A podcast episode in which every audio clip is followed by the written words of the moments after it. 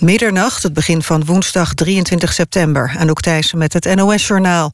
De partijen in de Tweede Kamer zijn overwegend blij... met het Europese akkoord over de herverdeling van asielzoekers... maar vinden dat het hier niet bij kan blijven. Volgens de PvdA is dit een eerste stap naar een gezamenlijk Europees antwoord... op deze humanitaire crisis. De VVD vindt dat Europa zich nu moet richten op het beperken van de toestroom van vluchtelingen.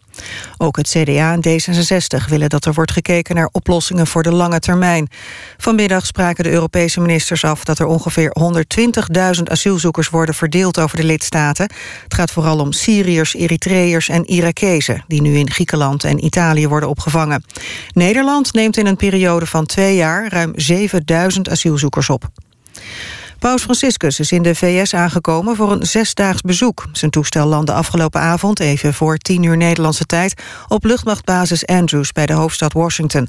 Daar werd de paus opgewacht door president Obama... vicepresident Joe Biden en hun echtgenotes. En in het westen van de VS, in de staat Washington... zijn de Chinese president Xi Jinping en zijn vrouw aangekomen... voor het eerste officiële bezoek aan de VS. Xi voert in Seattle gesprekken over onder meer... commerciële toepassingen van duurzame energie. Vrijdag ontmoet Xi president Obama. PSV heeft met moeite de derde ronde van de KNVB-beker bereikt. De ploeg won in eigen huis met 3-2 van Cambuur. De amateurs van FC Linden zorgden opnieuw voor een verrassing in de beker. Op het eigen sportpark de Abdijhof werd FC Volendam geklopt met 1-0. En ook de amateurs van Capelle schakelden een club in de Jupiler League uit. De zondag topklasser won thuis na penalties van MVV Maastricht. En Anna van der Breggen heeft bij de WK wielrennen in Richmond... zilver behaald op de individuele tijdrit. Van der Breggen moest alleen Linda Willemsen uit Nieuw-Zeeland voor zich dulden. Verschil was minder dan drie seconden. Brons was voor de Duitse Lisa Brennauer. Het weer, de komende uren in de kustprovincies opnieuw buien... en ook overdag buien, de meeste in de zuidelijke helft. Het wordt een graad of 16. Vanaf donderdag minder wisselvallig en meer zon. Dit was het NOS Journaal. NPO Radio 1. VPRO. Nooit meer slapen.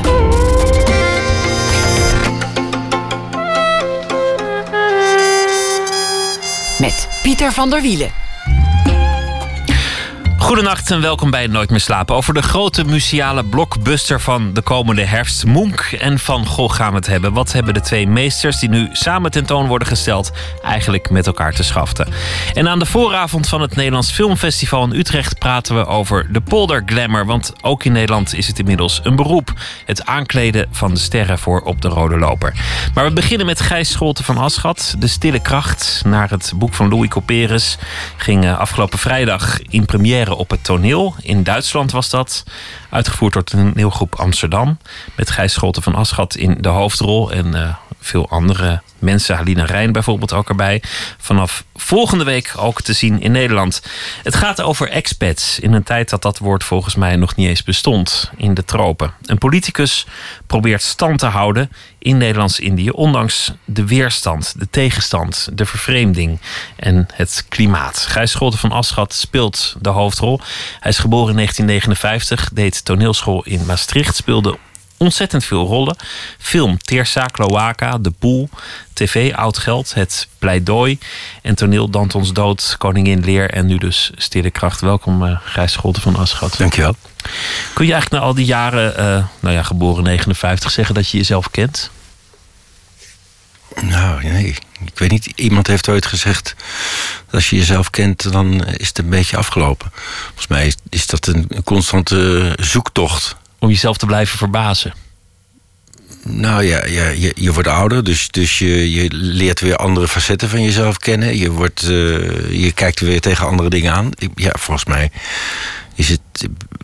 Zelfs op het moment dat je op je stervensbed ligt, dan denk ik nog niet dat je jezelf kent. Dat, is, dat lijkt mij heel lastig. Misschien is het wel onmogelijk om jezelf helemaal te kennen. Ja, lijkt mij ook. Ik bedoel, ik heb niet het gevoel dat ik mezelf ken. Wel een beetje, maar...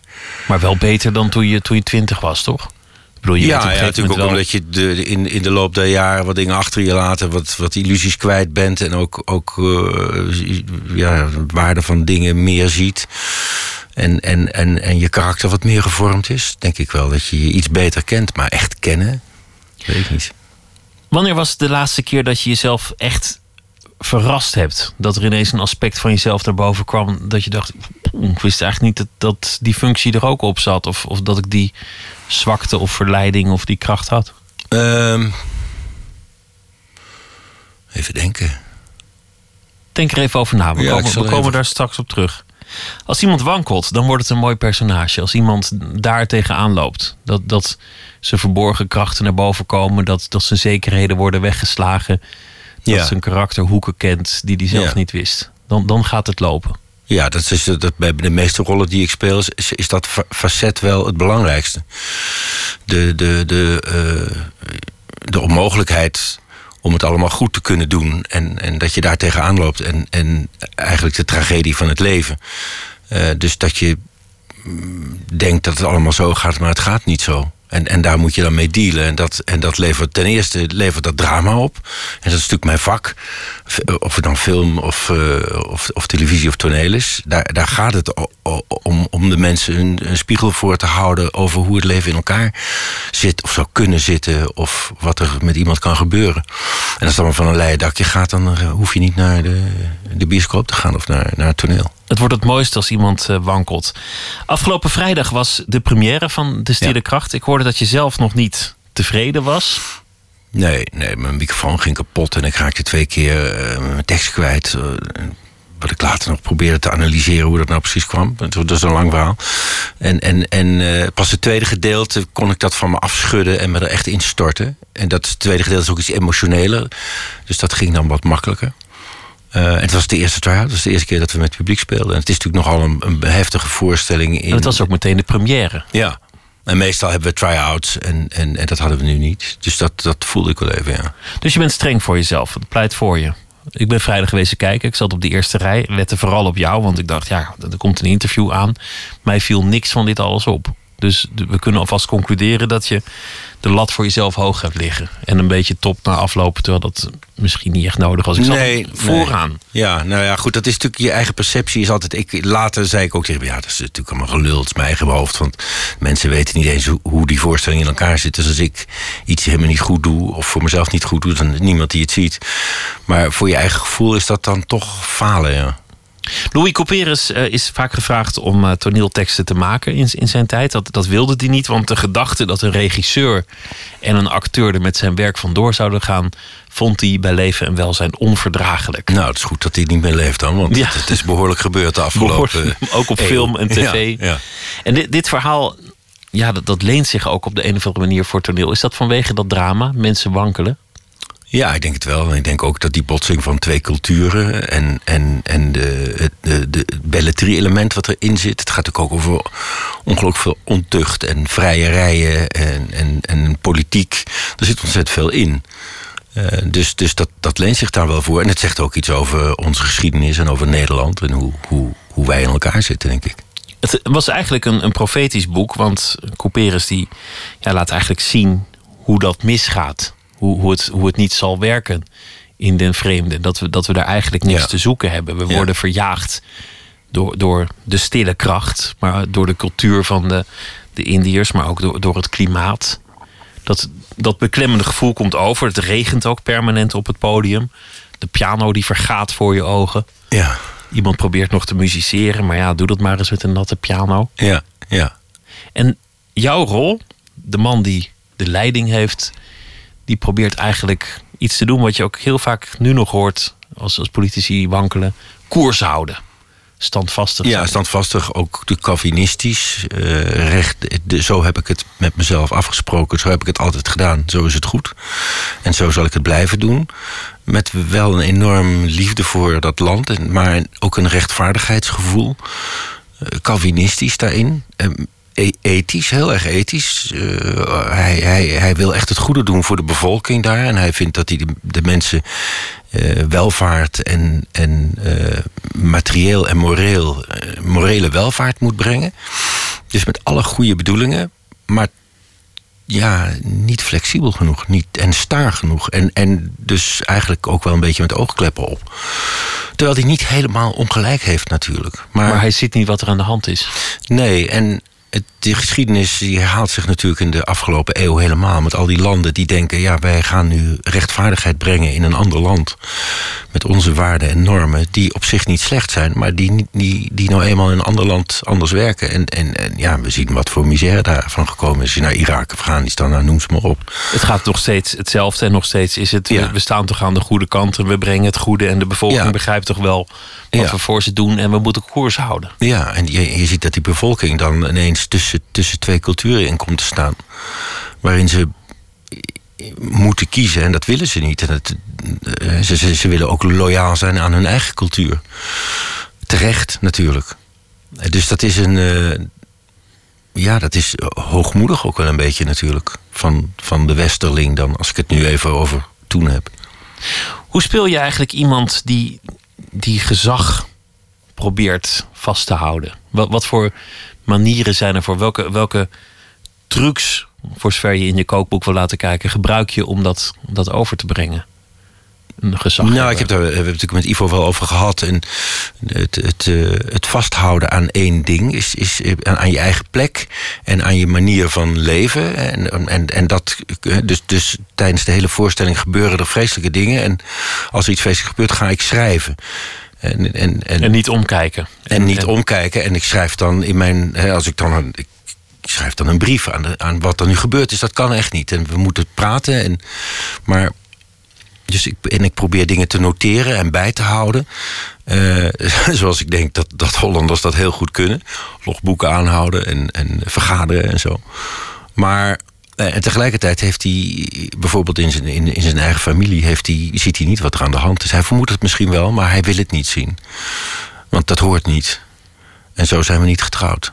En het is ook een, een algeheel menselijke neiging. Hoe slechter het gaat, hoe meer je wil vastklampen aan oude zekerheden.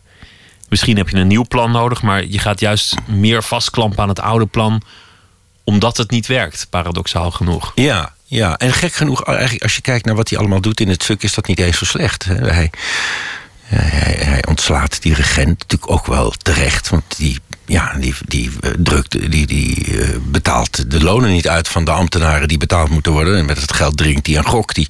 Dus dat is eigenlijk heel normaal. Maar en op het moment dat hij daarvoor ter verantwoording wordt geroepen, probeert hij de zaak weer te lijmen. Maar ja, hij voelt de cultuur niet, net niet genoeg aan. Het is heel bekend geworden, eh, niet alleen door het boek eh, van Couperus, maar ook de tv-serie Ja, eh, ja. in Nederland in de jaren 70, Pleunitaal. Een, een serie die iedereen die toen al een tv had.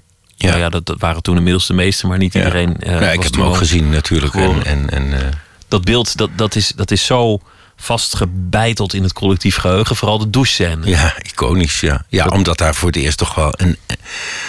eh, Ik weet niet of Phil Bloom eerder was, maar een, eh, in ieder geval in een dramaserie... eh, eh, gewoon een volledig naakte vrouw op het toneel stond. Of op, eh, op tv was te zien, pleunitaal. En dan ook een, een douchescène waar, waar ineens bloed uit Ja. de douche komt. Ja, Ook nog wel een soort, soort horror Ja. eigenlijk. ja nee, dat was, dat, daar werd eh, door iedereen over gesproken. En ik, Ontkom, ontkom je daaraan als je, als je dan een toneelversie maakt en dat tv-beeld is zo iconisch geworden? Ja, ik weet niet. Misschien moet je daar niet, als je, als je dit verhaal wil, wel weer wil vertellen, misschien moet je daar dan niet te veel mee bezig zijn. Toch, toch terug naar het boek. Ja, ik denk het wel, ja. Het is natuurlijk wel een belangrijk element in het boek, want het is natuurlijk het is de druppel. Daarna wordt die badkamer ook afgebroken in, in het boek. Dat hadden wij ook nog in het script staan, maar dat, dat ging toch niet op het toneel. Want dan was ik ook geen badkamer. Ehm, maar ik denk dat je, je, je moet dat verhaal weer opnieuw vertellen. En ik- denk dat Ivo en, en Peter van Kraai, die het bewerkt heeft, dat toch wel op een slimme manier gedaan hebben. En met de elementen die Jan van Zwijveld, de, de scenograaf, eraan toe heeft gevoegd, die, die behoorlijk van invloed zijn op ons en op het verhaal en, en op hoe je die voorstelling ondergaat. Omdat, het, wat je al zei, het weer ehm, een, een constante factor is in, in, die, eh, in, die, in deze voorstelling. Het, eh, regen, eh, moesson, mist, wolken zelfs. Verveling is natuurlijk ook een, oerkracht ja. uiteindelijk. Ja. En, het- en het, het enorme heimwee. Momenteel te zien in, in Duitsland, op de Zollverein. Dat is bij Essen een enorm industrieel erfgoed. eh, een, een oud mijnencomplex. Dat, dat Ja. nog eh, gedeeltelijk door Bauhaus ontworpen. Prachtig om te zien. Daar spelen jullie komende week ook nog. En dan volgende week gaat het. eh, Naar Amsterdam. Ja. naar Amsterdam. En, en dan gaan jullie, gaan jullie verder. Wat was je eigenlijk geworden als je, als je geen acteur was geworden? Heb je daar enig idee van? Nou, mijn, mijn ambitie in die, die richting was wel iets in, met de, in de economie. In, in het bedrijfsleven. Een ondernemer. Ja, zoiets. Denk ik hoor. Ik, ik, ik was goed in economie en, en, en, en, en handelswetenschappen en dat soort dingen. En dat trok me ook wel. Ik heb handelen ook altijd wel leuk gevonden. En was het ook een familie van handelaars? Dat dat idee Niet zo, nee, nee. Nee, eigenlijk niet. Mijn vader was bankier, maar, maar ja, op een soort sociale manier. Hij, hij, hij vond dat echt wel een soort beroep waarbij die mensen moest helpen. Eh, en, en niet zozeer vanuit het idee van geld verdienen voor een bank, maar meer echt een sociale functie in de maatschappij. En, en dat deed, zo deed hij het ook wel.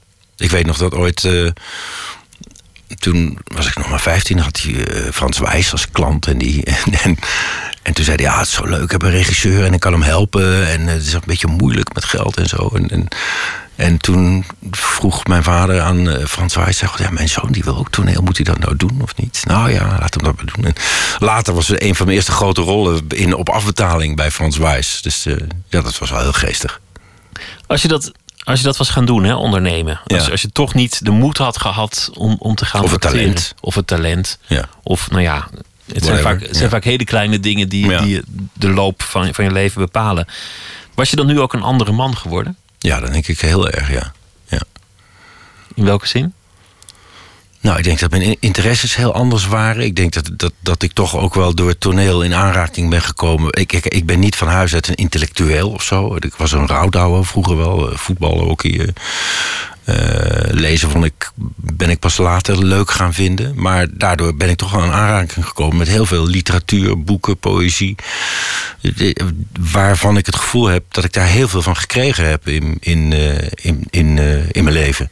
Dat het heel veel voor me betekend heeft. De reflectie op, op, op je leven door Shakespeare, door kunst, door schilderijen, door eigenlijk alles. Dat de kunst is toch wel.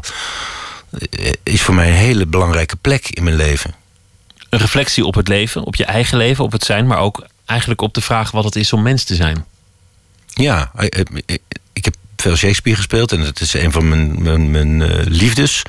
En daar lees ik toch steeds weer zinnen in waar, waar, waarvan ik denk die, die zo mooi zijn en zoveel zeggen over de psychologie van de mens. En, en, en hoe, hoe moeilijk het vaak is. En hij, hij, hij brengt karakters in onmogelijke situaties en red je er dan maar eens uit. En dat, op een, op een, eh, en, en dat ook nog in prachtige zinnen. Dat is ook nog eens knap om, om ellende zo mooi te kunnen beschrijven. En, drama. Dat iets 16e eeuws nu nog steeds geldt. Zeker, ja, ja. Dat is echt. Maar dat is natuurlijk toch wel als je Ovidius leest of, of, of de Grieken. eh, wij zijn eigenlijk heel weinig veranderd. En dat is natuurlijk ook wel raar om te merken dat er in de twee eeuwen zoveel gebeurd is, of vijf eeuwen. Het begon natuurlijk allemaal nog veel eerder. En dat wezenlijk wij helemaal niet veranderd zijn. Als je de, de, de boeken over de grote keizers leest, dan maken ze allemaal dezelfde fouten. Allemaal worden ze verleid door het geld en de macht. En, en je ziet het nu, nou ja, in, in hulen en vulen om je heen. De, de, de mensen die, die niet de, de, de weerstand hebben om, om de dingen goed te doen, maar toch denken aan zichzelf. Er is eigenlijk geen donder eh, veranderd. Nee. Laten we luisteren naar eh, Keith Richards, als Oh, we het toch over eh, lekker. de oudheid hebben. En eh, dat- hij heeft een nieuw album uit en hij is 72 en het, eh, dat is niet te horen aan zijn nieuwe plaat. Rob's Blind is de titel van het nummer. Okay, roll.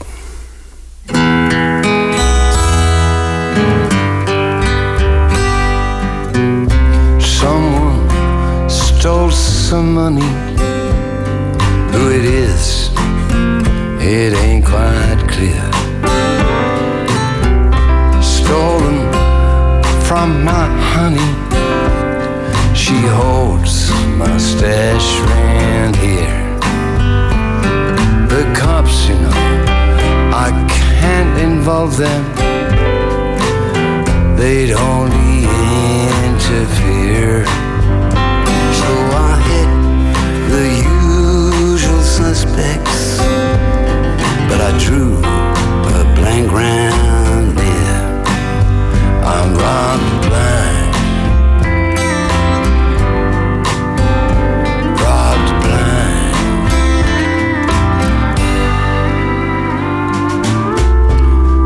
Found a letter to her.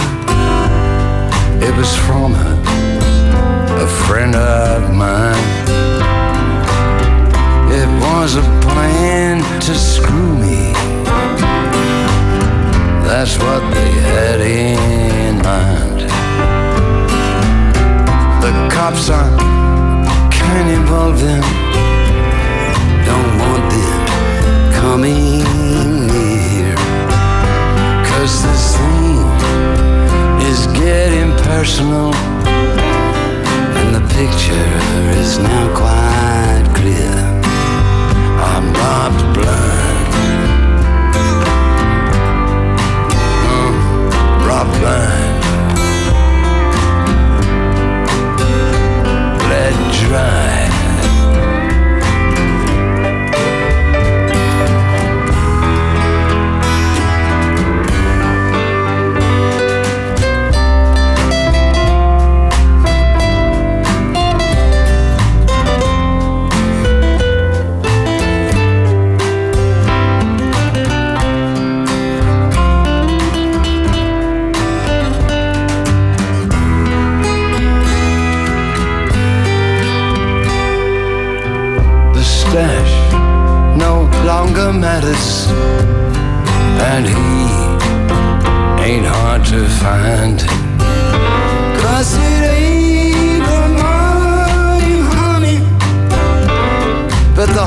You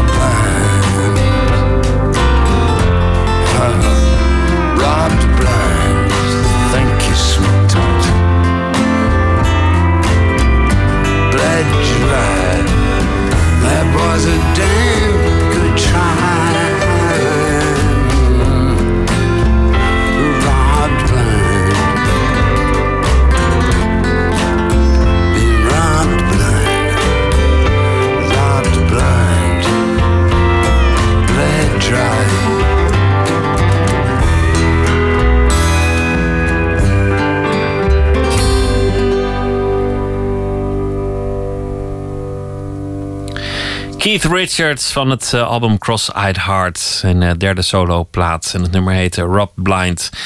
Nooit meer slapen in gesprek met Gijs Scholten van Aschat. We hebben het gehad over eh, de stille kracht.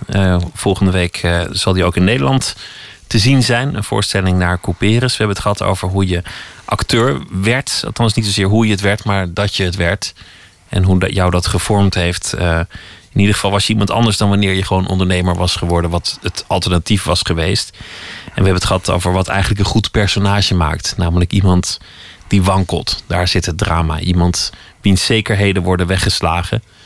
En dat zijn eigenlijk Ja. ook, ook vaak de rollen die jij het, het beste speelt. Of dan die, die het meest ophef hebben ge, eh, opzien hebben gebaard. De, de rollen van mensen die wankelden. Als je, als je kiest voor, voor acteur worden, kies je ook voor een onzeker bestaan. En het is eigenlijk net als met, met sport. Je kunt er dan maar beter ook meteen heel goed in zijn. Als je professioneel wil hockeyen, moet je zorgen dat je ook heel goed kunt hockeyen. Anders wordt het een beetje Ja. sneu. Dat geldt volgens mij voor acteren net zo. Ja, ja dat is, ik denk dat het wel eigenlijk met de meeste vakken zo, zo, zo is. Maar goed, de, de competitie is natuurlijk groot. En, en eh, ja, je wil natuurlijk de leuke dingen in je vak meemaken. En, eh, en, en, en daar is de spoeling dun. Dat, dat, dat weet je van tevoren. Kortom, zorg dat je heel goed bent of ga iets anders doen. Dat is eigenlijk de keuze voor elke acteur. Nou ja, zorg dat je gelukkig bent met de rol die je krijgt. En als je daar niet gelukkig mee bent, dan, eh, dan wordt het een frustrerend bestaan. Want je kan, eh, als je niet het geluk hebt om alle grote rollen te spelen, kan je natuurlijk nog als acteur met kleinere rollen en mooi werk en kleine producties en eigen dingen, kan je een hele hoop bereiken.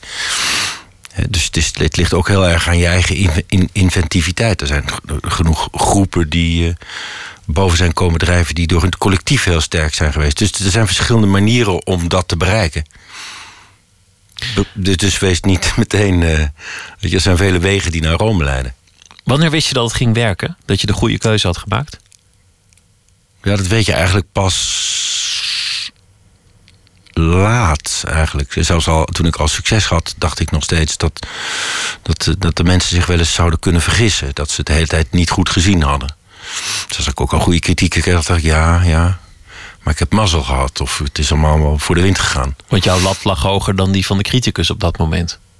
Nou, ik twijfelde gewoon erg. Ik heb altijd wel getwijfeld daarin. Ik bedoel niet in, in hoe ik het deed, want daar ging ik altijd wel recht toe, recht aan, windkracht 10. Dat, dat, dat vooral in het begin van mijn carrière was ik nogal druistig. Uh, maar achteraf en ondertussen denk je altijd wel van... oh, red ik het wel, dan gaat het wel en zo. Maar ik ben niet bang geweest om, om risico's te nemen daarin. Of dat, ik, ik mocht grote rollen spelen en dan zei ik niet van... nou, laat me nog maar even. zeggen ja, dat wil ik, ik wil dat, weet je wel. Dus Gewoon was wel ambitieus, ja. Erop afgaan en niet, niet je door angst, huiver of voorzichtigheid laten nee. weerhouden. Nee, maar ik was altijd behoorlijk nerveus en, en ik vond het wel spannend. Het was pas echt na een jaar of tien, ik denk eigenlijk zo rond dat pleidooi kwam... Uh, dat ik ook televisie ging doen. En, en met op afbetaling, die eerste grote serie. Dat ik dacht, oh, volgens mij begint het wel wat te worden zo. Je zoon Reinoud uh, vertelde ooit dat jij voor een optreden vroeger... hij is inmiddels ook acteur... en dat was voor hem het beeld van zo moet het niet gaan... dat jij vroeger voor een optreden zo nerveus was... dat je echt over je nek ging. Ja, dat je ja. kotsend in de coulissen stond. En dat het bijna een ritueel was. Kotsen, opkomen. Dat is wel een tijd geweest, ja. ja. Dat gaat heel ver. Ja, ja dat was ook niet gezond. Dat, dat uh, heb ik een tijd volgehouden. Maar op een gegeven moment was het toch wel, zag ik wel in dat dat niet de manier was. Ja. Maar als je zo nerveus bent, hoe, hoe lukt het dan toch om het te doen? Nou, het gekke is dat dat ook wel een soort uh, rite was. Of in ieder geval ik mezelf aandeed. Of, of uh, het, ik, ik, kon het niet anders. Het, het, gebeurde nou eenmaal. En vijf minuten daarna stond ik op het toneel en was, stond ik te smieren, bij wijze van spreken. Begrijp je? Dus het was ook. Ja, het is, ja. Je had er zijn veel dat, boeken over geschreven. Maar... Je had dat ook nodig om, om jezelf in, in de goede energie te krijgen. Nou ja, op een gegeven moment dacht ik dat ook. Weet je, dus het, ik dacht ook dat zo ben ik en zo functioneer ik het beste. Ik moet nou eenmaal eerst kotsen en dan ben ik beter op het podium. Ja. Merkwaardige gedachte achteraf. Ja, maar het werkte wel. En alles wat werkt, dat wordt een. Uh, er zijn ook mensen die eten voor een première een banaan. En dan gaat de première heel goed, dan eet ze elke voorstelling banaan. En als er dan een keer geen banaan is, raken ze in paniek. Ja, ze denken precies. dat dan die banaan is gaan liggen. Ja, begrijp je? Dus dat zijn je, de mens zit vreemd in elkaar met dwangneuroses en, en dat soort dingen. Dat... Zoals soldaten ook een, een bijbel of een andere reliquie, een foto van een liefje hebben en denken dat dat ze de overwinning zal ja. bezorgen. Of zal zorgen dat ze overleven. Dat is ja. belangrijker misschien. Ja. Hoe ben je daarvan afgekomen? Wanneer was het moment dat je dacht: ik heb dat niet nodig, het gaat wel, ik kan het, ik kan gewoon het podium op en. Nou, dat, dat, ik heb daar wel hulp bij gezocht, ja. Ik heb, ben, ben daar gewoon wel voor in therapie gegaan. Want dat is iets, dat moet echt afgebroken worden. Dat, dat, dat is gewoon een, een neurose. En is dat af te breken door te praten? Of, of gaat de therapeut dan mee naar de schouwburg om, om je toe te spreken? Nee, dat gaat met praten en oefeningen doen. En, en, en uh, dat is een lang traject. Als jij een rol speelt, hoe weet je dat je personage klopt? Wat, wat is eigenlijk het moment dat je denkt: nu heb ik het onder de knie, knie nu, nu, nu klopt het. Nu heb ik de, de nou, ja, dat, van die man te pakken. Dat weet je eigenlijk nooit helemaal. Dat duurt een tijd en, en je bent nog aan het wikken en het wegen. En, en, en minder en meer en kleiner en groter. En, en hier dit, hier dat. Dus de, meestal zo halverwege denk je, nu heb ik hem wel of heb ik hem niet. Uh, en als je het dan weer een jaar later speelt, wat we bij op Amsterdam natuurlijk veel doen. Hè, een jaar later spelen, soms sommige stukken speel je tien jaar. Dan ontdek je toch weer nieuwe dingen. En, en ga je toch weer iets anders doen. Dan ontdek je een nieuwe zin of een nieuwe ingang voor een monoloog. En dat, dat, dat is natuurlijk hetzelfde als met, als je echt grote, goede boeken leest. Die je herleest na tien jaar, dan lees je een ander boek. En dat komt omdat degene die in die tien jaar is veranderd. Dus je bent niet meer dezelfde als tien jaar geleden. Dus je leest iets anders. Je maakt iets anders mee als je dat boek leest. En dat heb je met stukken ook. Je, je, je bent niet meer dezelfde als een jaar geleden. Dus, dus je ontdekt nieuwe dingen in dat stuk. Omdat jij ook anders bent geworden. Begrijp je wat ik bedoel? Omdat je zelf nooit dezelfde bent, zal je personage dat ook niet zijn. Nee, en dat moet ook niet zo. Je moet hem ook niet. Uh, Zo'n personage is, heeft een aantal principes en daarna moet hij op het toneel gaan leven. Dus je moet ook niet te veel je moet een paar grondhoudingen hebben. En, en daarop, maar daarmee moet je doen. En voor de rest moet je vooral opletten op wat er om je heen gebeurt. En, en communiceren met, het, met je collega's. Samenspelen. Ik heb er met Halina heel veel over. Dat het zo belangrijk is om, om als, uh, uh,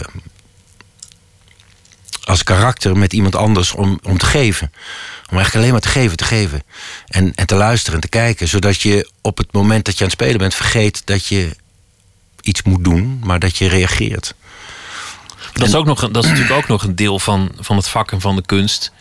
Dat je, dat je de interactie aangaat met je medespelers. Wat heel broeierig kan zijn. Bijna een, een strijd, een gevecht, een duel. Ja, ja als, als je allebei. Uh, je, je moet een gunfactor hebben naar de ander. Je moet niet op je, op, je, uh, op, je, op je strepen gaan staan. Je moet proberen die strijd open te voeren. En je te kunnen laten raken. En, en de ander wat te geven waar die wat mee kan. Uh, en op het moment dat je veel geeft, krijg je ook veel terug. en, maar nou, daar hebben we het dan over, over de techniek van het spelen. Dan, als, als, als je iets geeft en iemand houdt het te lang bij zich en, en doet er dan, geeft dan iets kleins terug, dan verlies je de energie in een scène. Het is net als met voetbal. Hè. Je moet hard inpassen om, om, de spel, om het spel bezig te houden en, en om, om, een soort, om, het, om het spel levend te houden. Gebruik je je eigen aantrekkelijkheid in, in dat spel met, met die ander? Is, is het vergelijkbaar met het beginnen van een romance, met, met flirten of versieren? Ik denk wel dat je dat probeert in te zetten zonder dat ik nou meteen denk van ik ga nu aantrekkelijk zijn op het toneel, want dat werkt meestal niet zo. Maar ik denk als, als je je kracht gebruikt, dat waar je goed in bent, dat dat aantrekkelijk kan zijn. Dus, dus eh, zelfs je zwakheden kunnen aantrekkelijk zijn als je daar vol voor gaat. Iemand die uh, zijn zwakheden heel erg laat zien, kan heel aantrekkelijk zijn. Begrijp je? Dus je, je moet, denk ik, voornamelijk proberen um, iets van jezelf te laten zien, wat het dan ook is. En, en, en dat kan aantrekkelijk zijn. Onlangs was er een, een aflevering van het tv-programma uh, De Vloer op. Dat, ja. dat, dat, gaat over uh, acteurs die ter plekke een scène moeten improviseren. Krijgen een paar gegevens. Ja. Jij bent de schoonvader en uh, de aanstaande schoondochter... die komt over de vloer. En, en dat spel met, met jouw actrice, dat was weergaloos. Maar intimiderend. Jouw tegenspeelster kreeg rode vlekken in haar nek, begon te blozen, raakte daadwerkelijk geïntimideerd door jouw spel. Zullen we een stuk luisteren daarvan? Wil jij wat drinken? Lekker, lekker. Uh, wijn, water? Doe maar een wijntje. Neem zelf ook een wijntje, zou ik zeggen. Ik drink niet. Echt niet? Nee. Ongezellig. Nou. Zeg, mag ik eens wat zeggen? Ja, tuurlijk. Wil je afstand bewaren? Ik weet niet of je het gewend bent. Dan krijg je rode vlekken. Mag ik even? Nee. Je weet, je bent in ons huis. Ja, ik vind je... Ik weet niet. Ik voel me niet op mijn gemak. Ja, en dan krijg je vlekken. Het is heel gemeen om daar iets over te zeggen. Het wordt alleen maar erger. Is er iets? Wil je iets zeggen? Wil je iets van me? Ja. Je hebt geknoeid. Er zit iets op je overhemd. Hier. Zal ik het uittrekken? Liever niet. Hm. Wil je iets van me? Nou, dan is de, de, de clue is uiteindelijk... hier in huis delen we alles. Ook de schoondochter. Een, een, eh, een, een prachtige, een heel geestige improvisatie.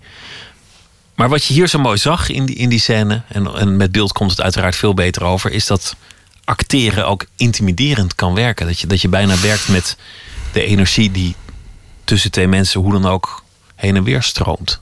Ja, dat, dat, dat, dat is zeker zo, denk ik, ja. Ja, dat, dat moet ook natuurlijk. Dat, dat is een deel van acteren. Zorgen dat nou ja, die energie ja, Als je rol dat, dat vereist, dan, dan moet, je dat, moet je dat aanwenden. Ja. Dat is natuurlijk maar één facet. Het kan ook onderdanig zijn. Of uh, ligt er maar aan wat, wat, wat de scène vereist. En het heimelijke verlangen. Want, want dat is eigenlijk ook een, een mooi aspect van een thema. Iemand die wankelt, maar ook iemand die eigenlijk een een duistere kant heeft. Een verlangen dat hij niet kan laten zien. Of dat hij zelf misschien nog niet weet dat hij heeft. Ja, een verborgen wens of een hoop. Of hoop dat je iemand zult zijn waarvan men zal zeggen... Heb je die gekend ooit? Dat wil iedereen natuurlijk. Dat, dat zit in iedereen. En, en, en er zijn maar weinigen die dat bereiken. En dan het gekke is dat mensen die dat bereiken, waarvan dus iedereen zegt: Oh, hij is, weet je wel, ik wou dat ik hem met hem op de foto kon. Als je die dan eh, hier neerzet, dan zeggen ze: Ja, maar ik heb ook nog wel heel veel te wensen. En ik ben ook niet zo. Weet je wel, dus het zijn allemaal heel veel projectie van wat je denkt dat. Dat een ander is. En, Ja. en eh, nou ja, als je jezelf al niet kent, hoe kun je ooit een ander dan nog kennen? Ja. Je hebt een novelle geschreven, dat ook, ook daarin was, was dat eigenlijk het hoofdthema. Een, een man die ehm, nou ja, pedofiele verlangens had, bijvoorbeeld. Die, die dan op, op eh, plaatjes van kinderen onaneerde in, in de schuur en, en over de, de grasmaaier ejaculeerde, betrapt werd door zijn vrouw. En nou ja, het, het werd uiteindelijk een gruwelijk misdrijf. Maar dat ging eigenlijk ook over een, een gewoon iemand met een heimelijk verlangen, met een duistere kant, Ja. die ontspoort en zichzelf verrast. Ja. Ik denk wel dat dat, dat, ik, dat, dat vind ik ook wel.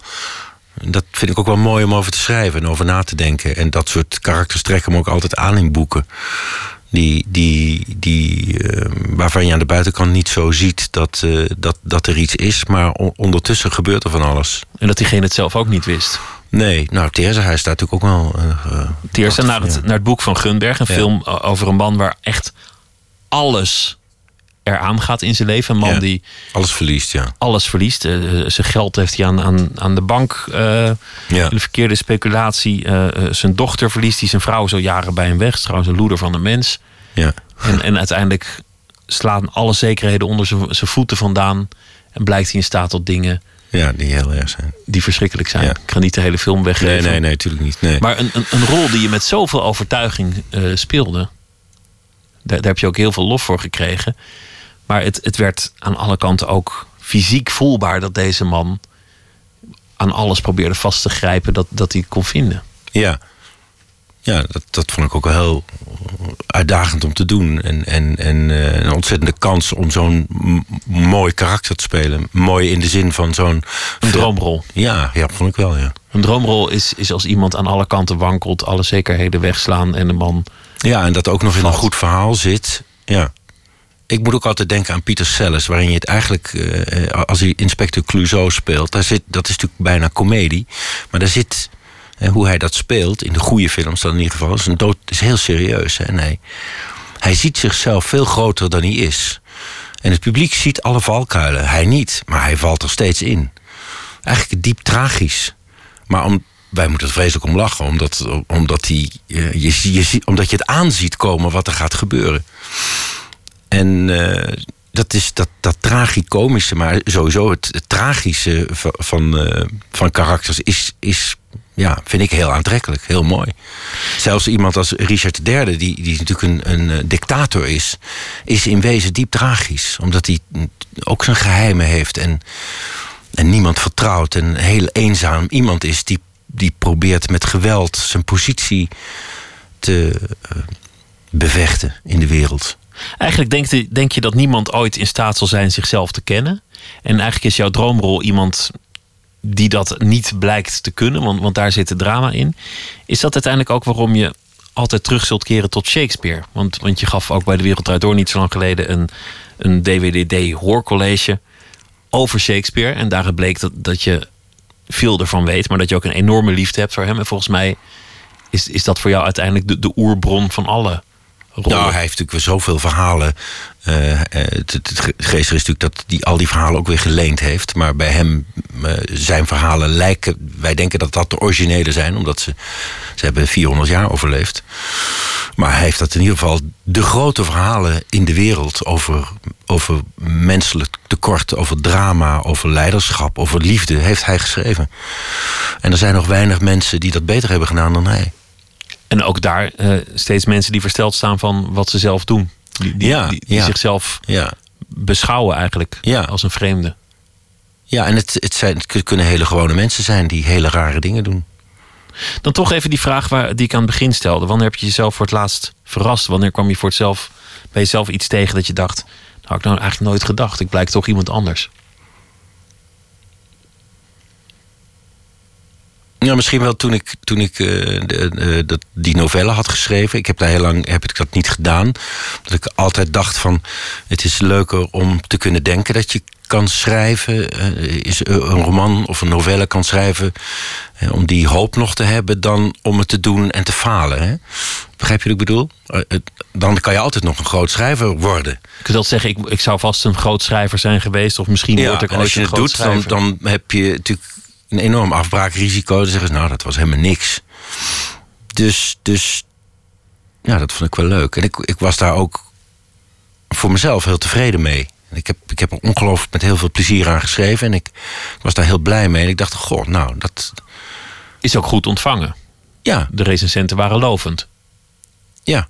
Ik weet niet of je altijd op recensenten moet varen. maar de, de nee, nou goed, en de ja. mensen waar, waarvan ik dan denk, die, die zouden dat moeten lezen, die ik het dan gevraagd heb, vrienden van me en zo, die vonden dat ook. Dus en ik was er zelf ook tevreden mee. Dus, eh, Had je dan ook een soort podiumangst met je, met je literaire debuut? Of was dat dan ineens omdat het niet echt nou je ja, is? omdat ik dacht, ja, die illusie ga ik je dan kwijt. Ik, heb, ik had wel toneelstukken geschreven, maar dat is toch wat anders. En dat, daar zit, ben ik natuurlijk meer in thuis. Ehm, maar dit was toch wel even iets anders, ja. En, dan, en ja, dat vond ik toch wel heel leuk. Ja, daar was ik wel blij mee. We gaan luisteren naar ehm, iets van het Deptone label in New York. De Como Mamas. En het eh, nummer heet Out of the Wilderness. Tell me how did you feel when you I'm not the winner when you I'm not the winner when you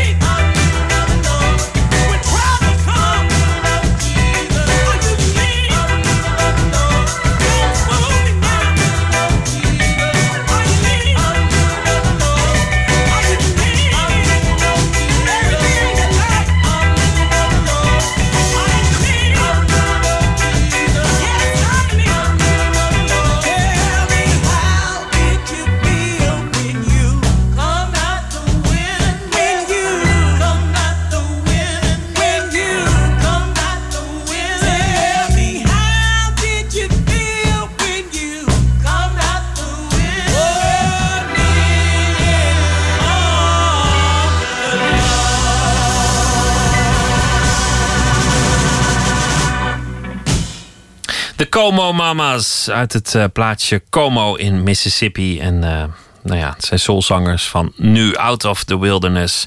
Gijs Scholte van Aschat zit tegenover me... naar aanleiding van uh, de voorstelling Stille Kracht. We hebben, het, we hebben het over best veel dingen gehad. Over wat een mooi personage is. Over, over Shakespeare. Over, over de voorstelling die je aan het maken bent.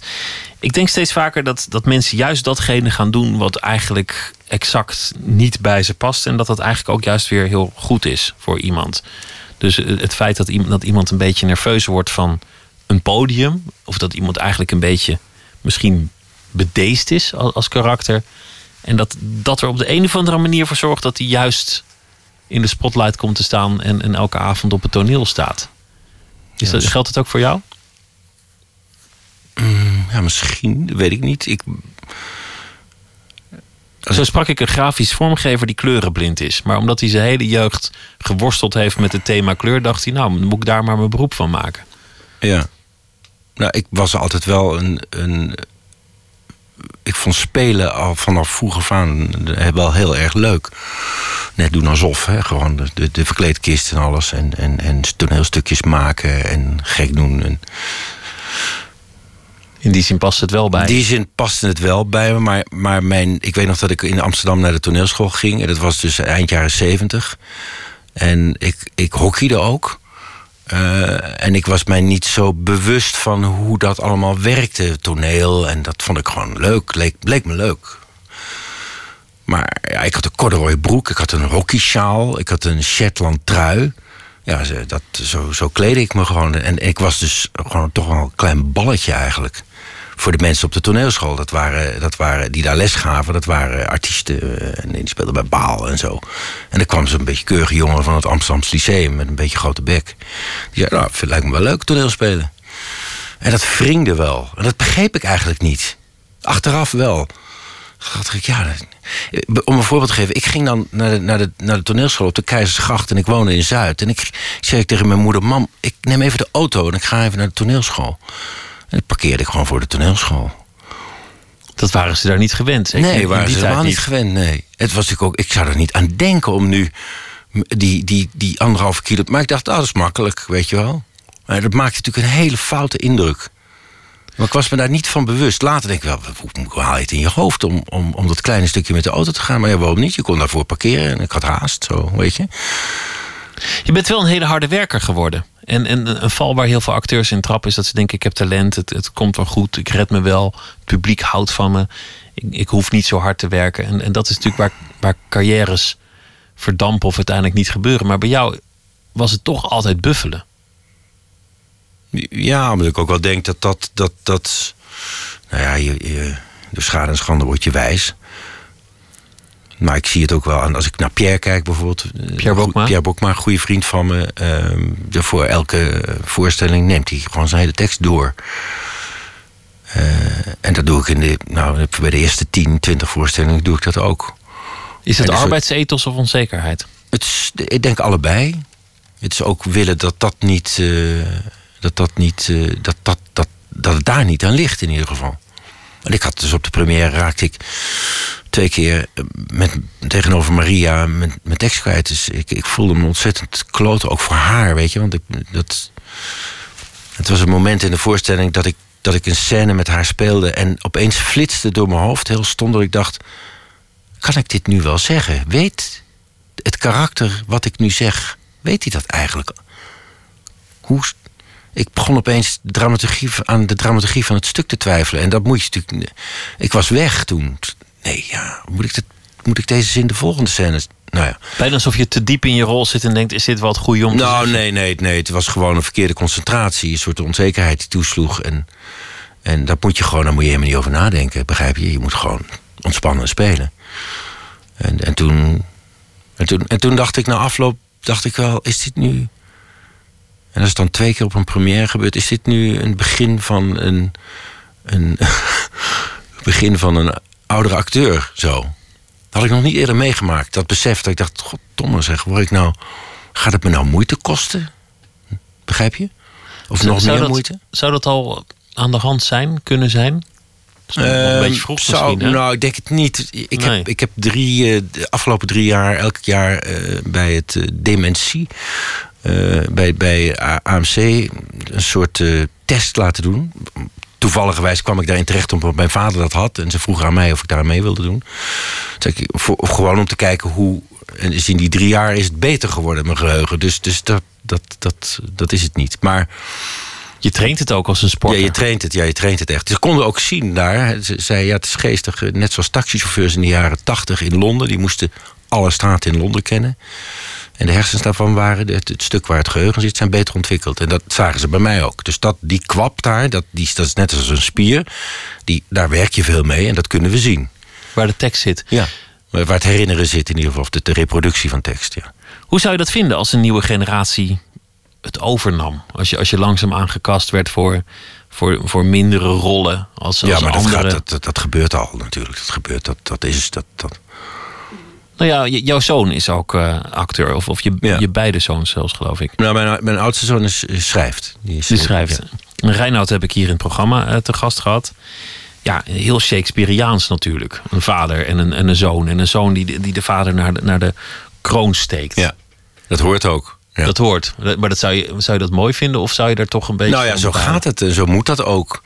We hebben natuurlijk wel het, het enige voordeel wat wij als acteurs hebben, is dat je, eh, je. Je wordt altijd gecast naar je leeftijd. Dus op een gegeven moment, mijn generatie is af.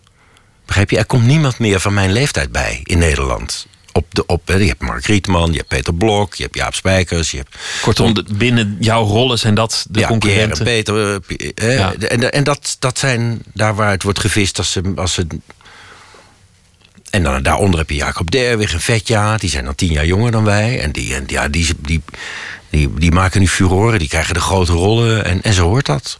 Dat is ook goed. Maar, maar je vergeleek het met sport. En, Ja. en sport zou niet bestaan zonder competitie, zonder concurrentie.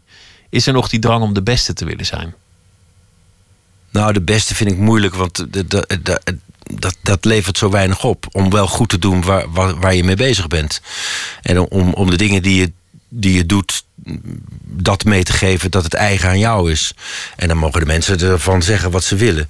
Maar om de beste te zijn, eh, dat.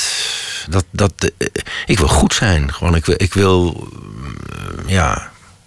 Niet zeggen dat ik er met een Jantje van heb afgemaakt. Maar de beste, ja, dat, dat, dat, dat kan ook helemaal niet in de kunst. Dat, dat, Er is niet één de beste. nee. nee, dat is niet zo. En het, wat, wat voor rol speel je? Dat, het, heeft, het heeft heel veel dingen. Je moet gewoon je, je, je moet hier prettig met je vak omgaan. En dan kan, je, dan kan je ervan genieten. En dan kan het publiek ervan genieten. En de focus ligt eh, gelukkig niet altijd op mij, maar ook mijn collega's bij Toneel op Amsterdam. We hebben een rouleersysteem in ieder geval dat je niet één altijd de grote rollen speelt, terecht. Dus het is ook heel prettig om in een voorstelling een, kleine rol te spelen. En te denken, nou mogen jullie even lekker jongens. Dan, eh, ik zorg wel voor dat het, dat het hier... eh, En, en hoe kijk je dan naar je zoon, die als, als een jonge hond toch, toch de, de, de wereld aan het bestormen is, zoals jij dat ook ooit deed? Ja. Vermoedelijk dezelfde fouten maakt. Misschien andere fouten maakt. Ja, hij is wel heel anders dan ik. En hij, hij, hij doet het hartstikke goed. En hij heeft een hele leuke groep jongens om zich heen... waarmee hij nu bij Orkater een voorstelling aan het maken is. En de vorige, da- dat vond ik een geweldige voorstelling. Een bebop verhaal over eh, jazz en Chet Baker. En ze zijn allemaal heel muzikaal. En, ja, allemaal die- ook van instrument ruilen en, Ja. en eh, allemaal nog even ge- geleerd om min of meer bebop te spelen voor, Ja. voor de gelegenheid. En, en, en dat, eh, dat gaat hartstikke. Daar hoef ik het niet met hem. eh, Dat is goed. We hebben het voornamelijk over hoe je de tweede voorstelling moet spelen. En, en het, het ging niet gisteren. Hoe komt dat nou? En dan zeg ik, ja, dat ken ik, dat weet ik. En probeer het nou los te laten. Gewoon over je mentaliteit. Daar hebben we het eigenlijk het meest over. Maar dan gewoon als vader-zoon op een bemoedigende toon. Van, van, Ja, gewoon over het vak en over. eh, of, of ik zit daarmee of. eh, ja, en ik zit ook wel eens ergens mee. En dan hebben we het toch over. Ja, dat herken ik, dat had ik ook. Of dat heb ik ook. Of, het zijn natuurlijk. Het, ja, het, het- het zijn dezelfde verhalen die je, die je hebt. Maar hij zit in een andere fase en hij moet. Ja, hij heeft nog een hele lange weg te gaan. jij ook. Ik ook, tuurlijk. Ze zijn nog niet van me af. Pas Nee. op, hè. Komend jaar ga je nog meer dingen doen, behalve eh, dit. Want eh, er komt een verfilming aan van eh, publieke werken van Ja. Thomas Rozenboom. Ja. Zijn jullie al begonnen met draaien eigenlijk? Want, want ik, We draaien, we zijn, de film is klaar. de film is al helemaal gedraaid. zelfs. hij gaat over eh, twee maanden in première. Oh, ik wist, ik wist dat, er, dat er inderdaad ergens een heel veengebied was nagebouwd. Ja, we hebben het in Hongarije in gedraaid, Hongarije. een jaar geleden. Ja. En nou ja, het staat er helemaal op. Ja, heel spannend, heel leuk. We hebben ontzettend prettig met Jacob uh, aangewerkt. De twee mannen in de film, Jacob en ik spelen dat. Uh, en, en Jacob Derwig. En uh, Joram Leursen regisseert het. Um, ik ben heel benieuwd. Het gaat, ja, een prachtig verhaal. Prachtig verhaal en, en ook Thomas Rosenbaum. In een, in een historisch decor. Dus dat, Ja. dat is altijd spannend voor, Ja. een, voor een filmmaker om te maken. En dan komt er ook nog eh, later in het jaar eh, het jaar van de kreeft aan. Hugo Een voor toneel van ja. Hugo Claus. Een roman. Zijn, zijn Amsterdamse roman eigenlijk. Boek Ja. dat speelt in, eh, in, in onze hoofdstad. Ja, ja. Over een, een liefdesverre. Eigenlijk de, de Vlaamse versie van Turks Fruit zou je kunnen ja, zeggen. dat zeggen ze, ja. ja. Dus, eh, nou, Het is dezelfde tijd en het is ook wel... Ik geloof dat het iets na is, daarna is uitgekomen. ja, één moet eerder zijn geweest. Maar ik weet Ja, niet Turks was eerder volgens mij. Oh ja. Maar het jaar van de kreeft eigenlijk mooier. Vond ik. Ik heb het later gelezen. Ik, ik moet zeggen dat ik als tiener ook wel gehuild heb bij Turks Fruit. Aan Nou het eind. Het zijn twee mooie boeken. Ja, het zijn twee goede boeken. En Kortom- het, het, het- het is een tijd. Ik weet nog niet hoe we het gaan doen. Maar het wordt wel spannend. Met Maria Kraakman en ik. En, en, eh, en piano, geloof ik. En eh, vanaf volgende week eh, de stille kracht. Kortom, Ja. weer, weer een druk jaar. Voorlopig nog eh, Ja, nee, never a dull moment. never dull moment. Dank dat je te gast wilde zijn. Heel veel succes en Leuk, heel veel dankjewel. plezier met, met alles. We gaan luisteren met, naar Buddy Guy. Want die is ook nog steeds in omloop met Crying Out of One Eye.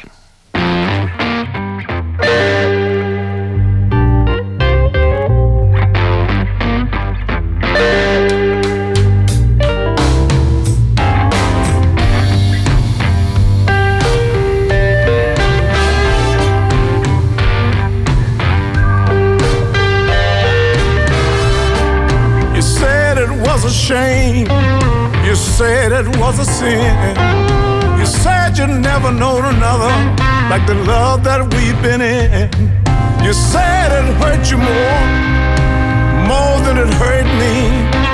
But you know that I knew you didn't have to leave. Cause when you said goodbye, you were only crying out of one eye.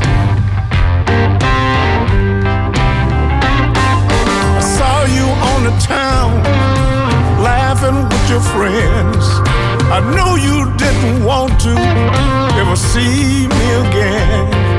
You took a little pity and you shed me a little tear.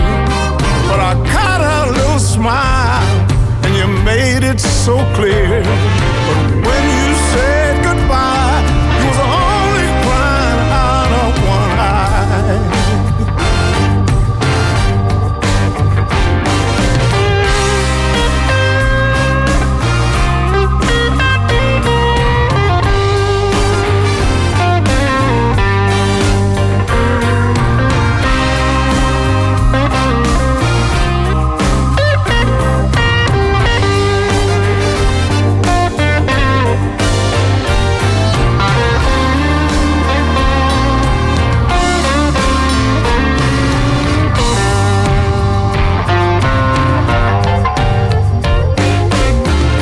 tried to cry to make me feel better. I wish your little hanky could have been a little wetter. You were staring at your shoe, you were looking awful sad. But I could see right through you, you wasn't taking it that bad. Cause when you said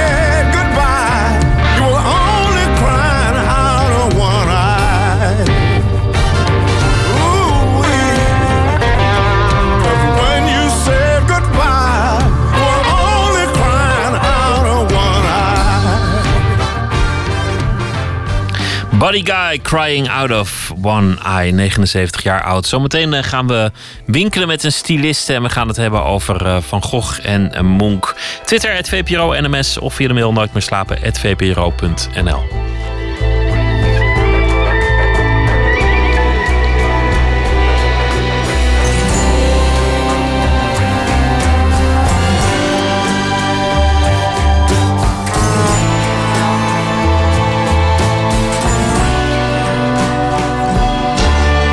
Radio 1. Het nieuws van alle kanten.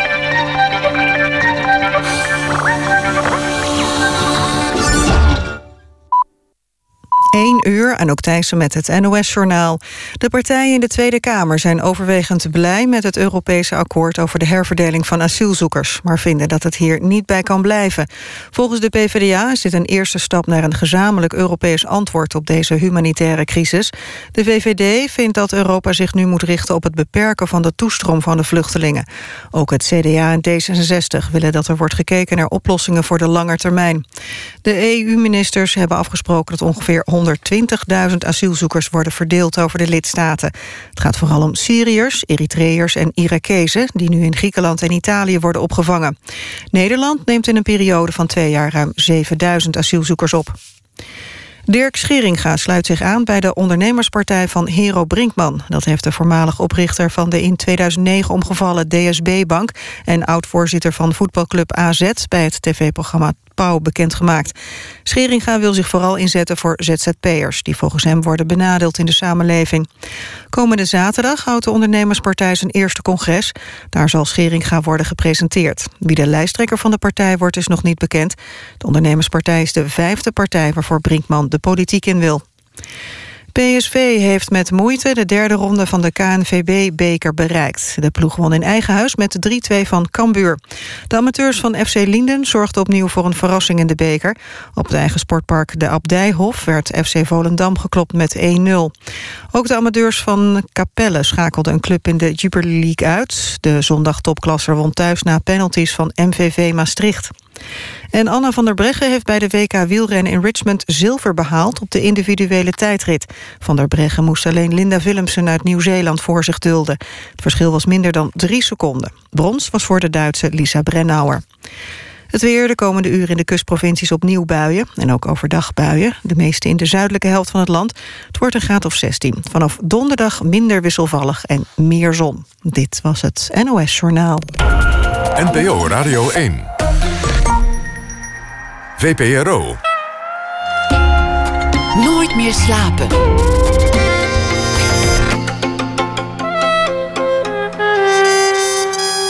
Met Pieter van der Wielen.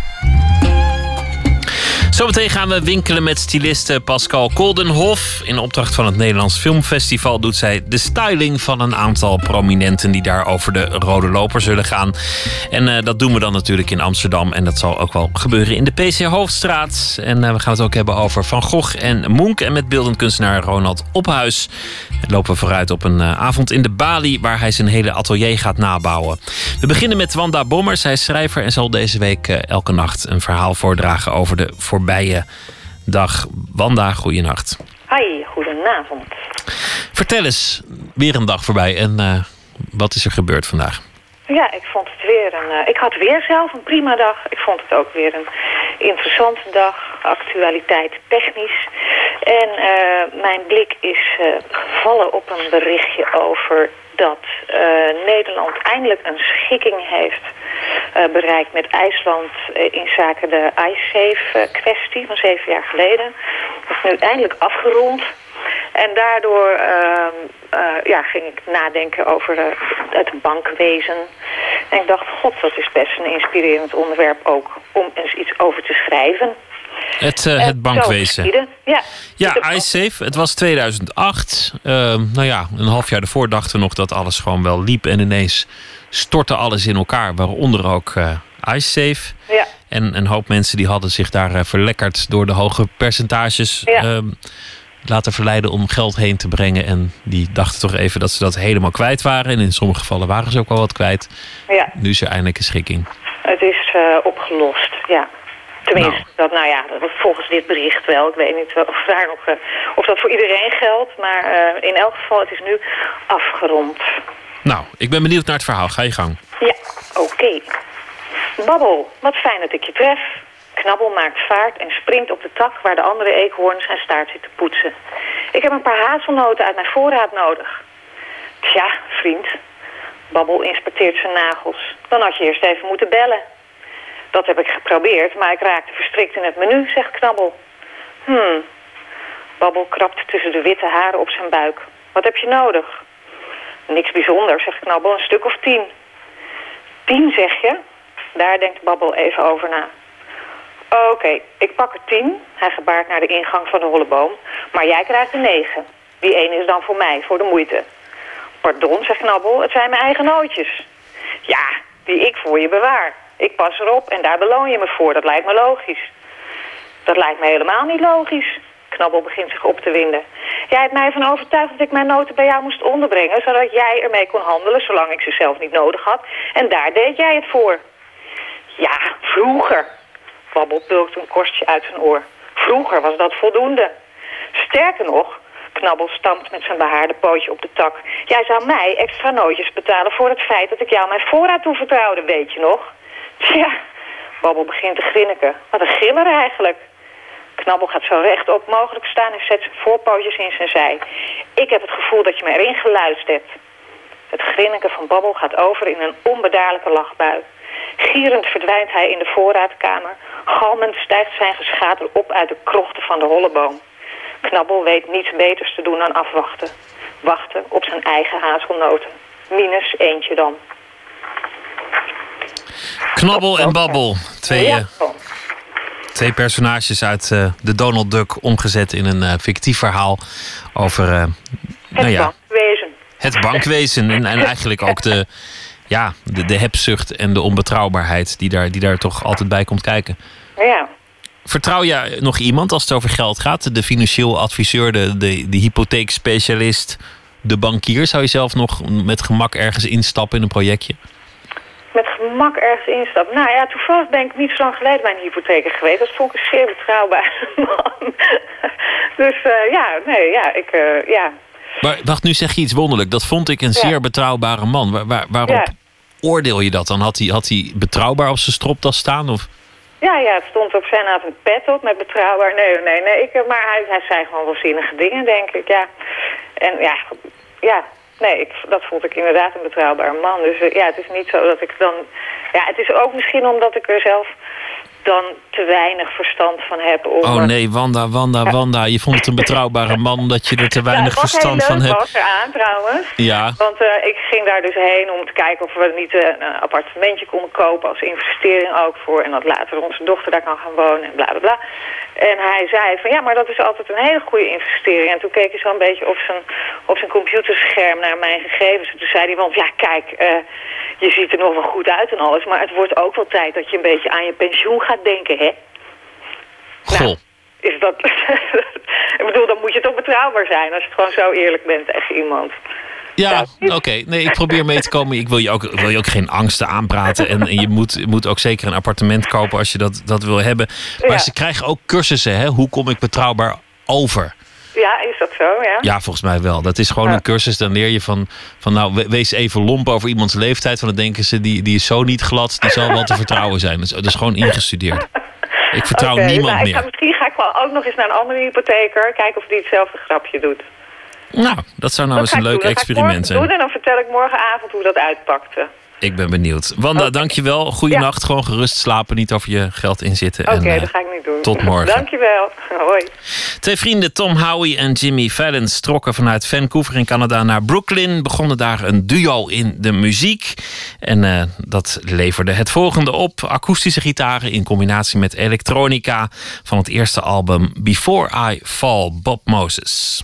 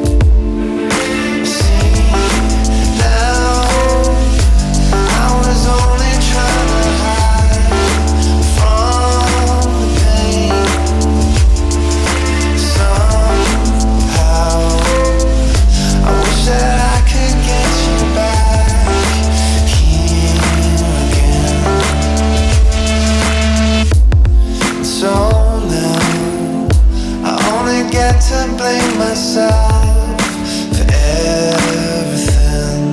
How could I be so wrong?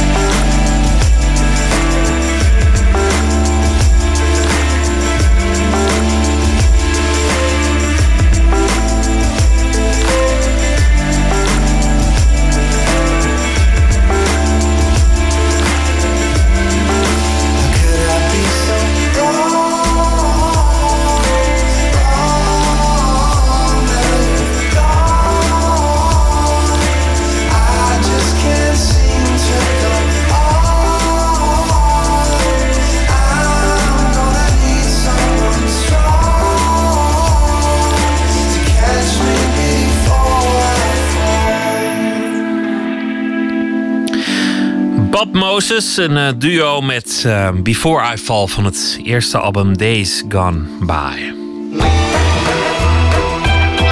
Nooit meer slapen. Morgen begint in Utrecht het Nederlands Filmfestival. Veel films en eh, veel plezier voor de mensen die van film houden. Maar natuurlijk ook veel glitter en glamour. Net als vorig jaar verzorgt styliste Pascal Koldenhof... in samenwerking met het festival en Dior... Het, eh, de styling van een aantal Nederlandse sterren.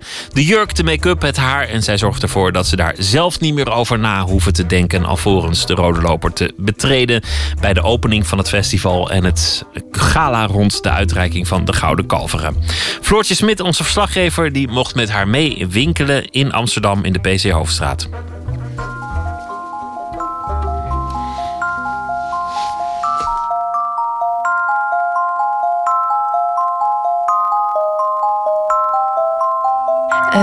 Nou, vandaag ga ik eigenlijk eh, de finishing touch doen. Dus dat zijn eh, de juwelen bijvoorbeeld bij de dames. Ehm, verder ga ik ook voor de mannen manchetknopen, dasspelden, eh zulke soort dingetjes allemaal doen. En ik ga naar ehm, mijn coupeur. Die heeft broeken ingenomen, uitgelegd, verkort. En idem dito met de mooie jurken die de dames aan gaan doen. In Hollywood of tijdens het filmfestival in Cannes is het doodnormaal. Voor een rode loperpremière worden de sterren gekleed door stylistes. Haar en make-up wordt geregeld. Ze hebben er geen omkijken naar. Vorig jaar besloot het Nederlands Filmfestival met stylisten Pascal Koldenhof en Dior eenzelfde soort service aan te bieden. Voor de presentatoren, de cast en crew van de openingsfilm en de acteurs die voor een Gouden Kalf genomineerd zijn. Dit jaar mag Koldenhof het weer doen. Heb je, hoeveel mensen kleed jij nou? Eh, volgens mij 20 mensen in totaal, ja. En hoeveel werk is dat in tijd? Ja, eh, hoe lang ben ik al bezig? Ik denk nu een week of eh, drieënhalf. Oké, maar gaan, waar gaan we nu naartoe? We gaan naar, naar Bulgari, dat is een juwelenmerk. Daar heb ik eh, klusjes, aangevraagd. En ehm, mooie oorbellen en dergelijke. Ja, de Nederlandse filmindustrie doet ontzettend goed over de grens. En eigenlijk vinden we het ook fijn dat ook het hele gedeelte met de voorbereidingen naar zo'n première toe, wat ook in het buitenland anders gaat dan, eh, dan hier, om dat ook eh, gelijk te gaan trekken. En dat houdt in dat je als acteur of actrice een stylist hebt, eh, die voor jou ja, looks gaat uitzoeken, kleding gaat uitzoeken, die passend is bij jouw persoonlijkheid. Dus een, een, een ja, ondersteuning is van wat je op dat moment graag eh, eh, wilt neerzetten, wilt uitstralen. En, eh, en alles uiteraard in overleg met de acteur of actrice, want dat is hun moment. En wij zijn er echt ja, om hun ja, momentje nog spectaculairder te maken dan dat het is. En plus het brengt ook een stukje, een soort visitekaartje. Want die foto's die gemaakt worden op zo'n première... Ja, die worden herhaaldelijk eh, gebruikt. En dan is het gewoon fijn als je dan terugkijkt... dat je denkt van ja, lekker, ik sta er goed op. We zijn nu in de Hackettwinkel. En ik ga nu eh machetknopen uitzoeken... voor de, de heren van eh, de openingsfilm. Deze, dat vind ik heel erg mooi. Dat is eh, eh, zilverkleurig dan met een, eh, met een soort framepje erin. Mag je zeggen voor wie het is? Dit is voor Mark Lauwerijs, ja. En eh hele lieve man, hele vrolijke man. Dus ik vind het ook leuk om iets te doen met een machet waar iets grappigs in gebeurt. Zonder dat het een machet van een hondje of zo, of een, of een, of een weet ik veel wat, is een clown. Maar gewoon iets mooi waardoor het net even dat tikje geeft wat ik eh, leuk vind bij hem. En voor Erik, de, de regisseur van de film, Erik de Bruin, heb ik een hele mooie 3D antraciet eh, pak van Hackett. Heel mooi, zonder stropdas doen we het, dus een beetje gesoigneerd. Dus maar bij hem wil ik wel een hele stoere, rustige machet eh, uitkiezen. Dat zal eh, deze worden omdat, eh, ja, nou eigenlijk precies zoals ik het zeg, die heeft deze uitstraling. Gewoon rustig, klassiek, robuust, heel simpel, strak, maar wel massief. Dus een hele dikke machet eh, is dat, rechthoekig. Het idee van acteurs is toch, hè, ze hebben geld, ze hebben mooie jurken. Kunnen ze niet gewoon iets uit de kast pakken? Nee, dat is een eh, vrij simpele gedachte, wat wel een logische gedachte is. Maar er komt gewoon heel veel bij kijken. Op de foto kom je natuurlijk anders over. Op de camera kom je anders over. Eh, mensen die eh, een beroep hebben voor de camera, die- zeker in deze periode met social media, zijn bijzonder kwetsbaar. En iedereen heeft wel een mening over iets. Eh, dus het is dan heel fijn als je iemand hebt die eh, ook vanuit een professioneel oogpunt eh, met je mee kan kijken. Ja, nogmaals, dat is echt om het lampje te vinden en aan te doen van de acteur of actrice, zodat ze stralen. Dat ze niet bezig hoeven te houden of het allemaal wel goed zit. Of er gaat bij mij iemand nooit met dubbelzijdig tape van spreken de rode lopen op. Het is altijd met naald en draad gedaan. En zodat als zij de lopen opgaan, zich echt kunnen focussen op eh, het interview zoals deze. Ik, ehm, ik kom best vaak op filmpremières, maar je valt wel op dat het steeds professioneler wordt, hè, die rode loper. Ja, dat is ook, eh, ook echt de bedoeling. Dus Zes jaar geleden ben ik begonnen. Doordat ik eh Carice mocht kleden en eh Halina Rijn. En toen was het beeld wel anders. En eh, ik denk dat ook zij, plus met nog wat andere mensen, wel er heel erg mee hebben gewerkt om dat beeld eh, te veranderen. En dat het gewoon leuk is om eh, dat moment te pakken. Het is leuk dat het inderdaad uit die schaduw komt van eh, doe maar gewoon, dan doe je gek genoeg. Want ja, onze medeburen, Engeland, België, Frankrijk, die doen er ook allemaal aan mee. En hoeven natuurlijk niet als een soort volschaapschaapje mee te doen. Maar aan de andere kant, ehm, ik denk dat het alleen maar vrolijkheid en blijheid brengt. Weet je wel? Dus er is al genoeg gedoe in de wereld. Dus waarom niet af en toe eh, het eh, ja, kristal, verkristalliseren, dat moment, in een mooi moment hè, op de loper. Ik prik me de hele tijd aan die spelden die in je sjaal zitten. Heb je die altijd mee? Ik heb altijd mijn spelden mee. Je weet het maar nooit. Veiligheidsspeld, neem maar serieus. Kijk. Spelden, meelint. Mij krijg je niet gek. Scheur je uit je rok, hup, naald en draad heb ik. Ik heb altijd alles bij me. Serieus. Ik heb eh, extra panties bij me. Ik heb eh, warmtepleisters bij me. Ik heb... eh, Warmtepleisters? Ja, dus stel dat het onverwachts koud is. En dan heb ik een warmtepleisters, zijn dat. Die haal ik gewoon bij de drogist eruit. Dus dat zijn allemaal voorbereidende dingen. En die, die plak ik dan aan de binnenkant van je been of onderaan je rug. Dat je het niet koud hebt. Wat een goede tip. Ja. ja, je moet gewoon op alles voorbereid zijn. Er kunnen natuurlijk dingen misgaan. Of anders lopen. Misgaan is een groot woord. Anders lopen. Ja, dan moet je daar eh, ja, op gevat zijn. Maar dat hoort bij het vak. En dat vind ik ook het leuke ervan. De- Geen dag is hetzelfde.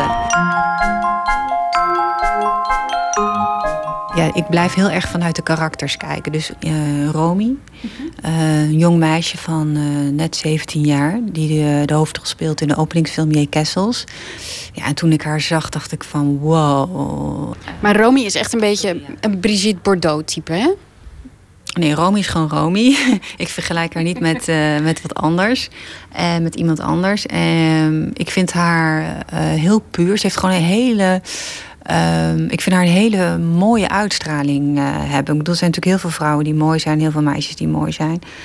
Maar ik vind haar eh, heel intrigerend. Dus als je, er is gewoon iets in haar wat ik eh, heel bijzonder vind. En dat wilde ik eh, vastpakken in, in kleding. Dus ik had een. eh, ik moest meteen aan een bepaald merk eh, Maar dat mag je nog niet zeggen. Nee, eh, dat klopt. En ik heb ook gekozen om niet, eh, terwijl zij dat heel graag eigenlijk wilde, dat was haar gedachte, een prinsessenjurk. En toen heb ik haar, laten zien van als we dat doen, dan lijkt net of je de jurk van je moeder aan hebt. Want Je bent gewoon net even nog te jong voor die stijl. Maar wat vind je van deze stijl? Nou, die vond ze helemaal te gek. En dat is precies natuurlijk mijn vak. Eh, dus dat het een samenwerking is met degene die je kleedt. Dus je bouwt samen tot iets. En eh, bijvoorbeeld bij Sally Harmsen vind ik het heel mooi om hele harde, strakke lijnen te gebruiken. Dus ik heb haar vaak aangedaan in Esther Doorhout Mees, een Nederlandse ontwerpster die ik ook helemaal te gek vind. Gaite, dat is echt zo'n chameleon, die kan je alles eh, aandoen. Dat is echt een soort, vind ik altijd een sneeuwwitje, mooie witte huid en dan mooie lange haren. En eh, dus haar zachtheid vind ik leuk om mee te spelen. Ik vind echt dat de jurk de persoon moet dragen. En dat geldt ook voor een man. Voor mannen is het soms, eh, denk je van ja, een pak is een pak. Maar van evening wear, dat is vrij smal gesneden. Dat is altijd even wennen van, hmm, ik voel dat ik een jasje aan heb en een broek. En eh, dan gaan we ook zoeken bijvoorbeeld naar een stofkeuze... waar bijvoorbeeld een beetje stretch in zit... als je dat echt heel erg lastig vindt. En je kan naar een blouse kijken, naar een gladde katoen... of een wat dikkere katoen, omdat je dat prettiger vindt, et cetera. Dus er zijn nog heel veel details waar je op, eh, op kunt letten. Uiteraard is natuurlijk evening wear niet het meest comfortabele kledij die we hebben... maar daar proberen we, ja, probeer ik in, ik in ieder geval... eh, te zorgen dat het zo comfortabel mogelijk is. Maar ik kan natuurlijk nooit van een, eh, een, eh, een huispakken van een avondjurk maken. En hoe belangrijk zijn die, eh, die puntjes op de i, hè? Die, die machetknopen, de panties? Ja, ik vind het heel erg belangrijk. Het is net als, de, als hetzelfde als dat je naar een kapper gaat en net niet even het helemaal netjes afknipt of zo. Weet je wel, zo vind ik het er dan uitzien. Maar misschien is dat een, een beroepdeformatie, maar een schilderij moet af zijn, toch? Dan stop je niet toch middenin. En dat, zo, zo zie ik het eigenlijk. Ja. Ik ben gewoon heel erg begaan met de mensen die ik mag kleden. Ik vind het gewoon heel belangrijk dat ze zich heel erg goed voelen en blij voelen. Eh, nou ja, ze leven even onder de, onder de grote loep. Dus dan is het fijn dat ook alle details eh, kloppen tot de strik eh, van de veter aan toe.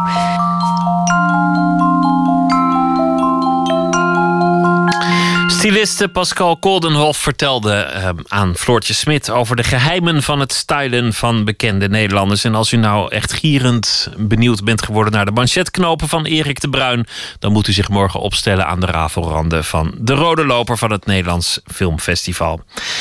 We gaan luisteren naar Nina Simone, gewoon omdat het eh, mooi is en omdat je het niet genoeg kunt horen. En de titel is My Man's Gone Now.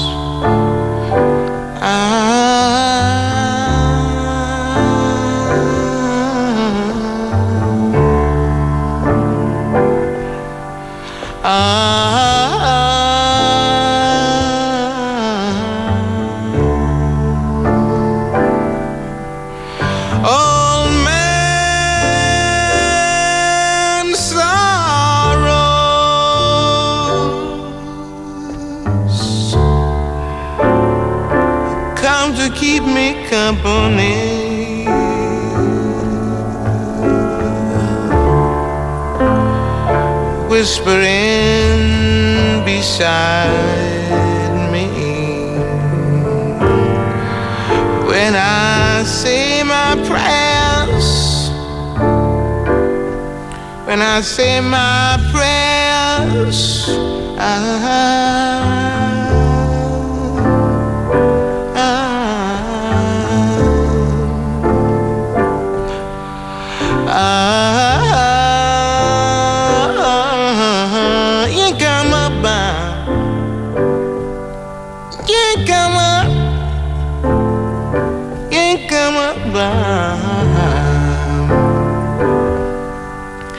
did I mind working? Working means travelers.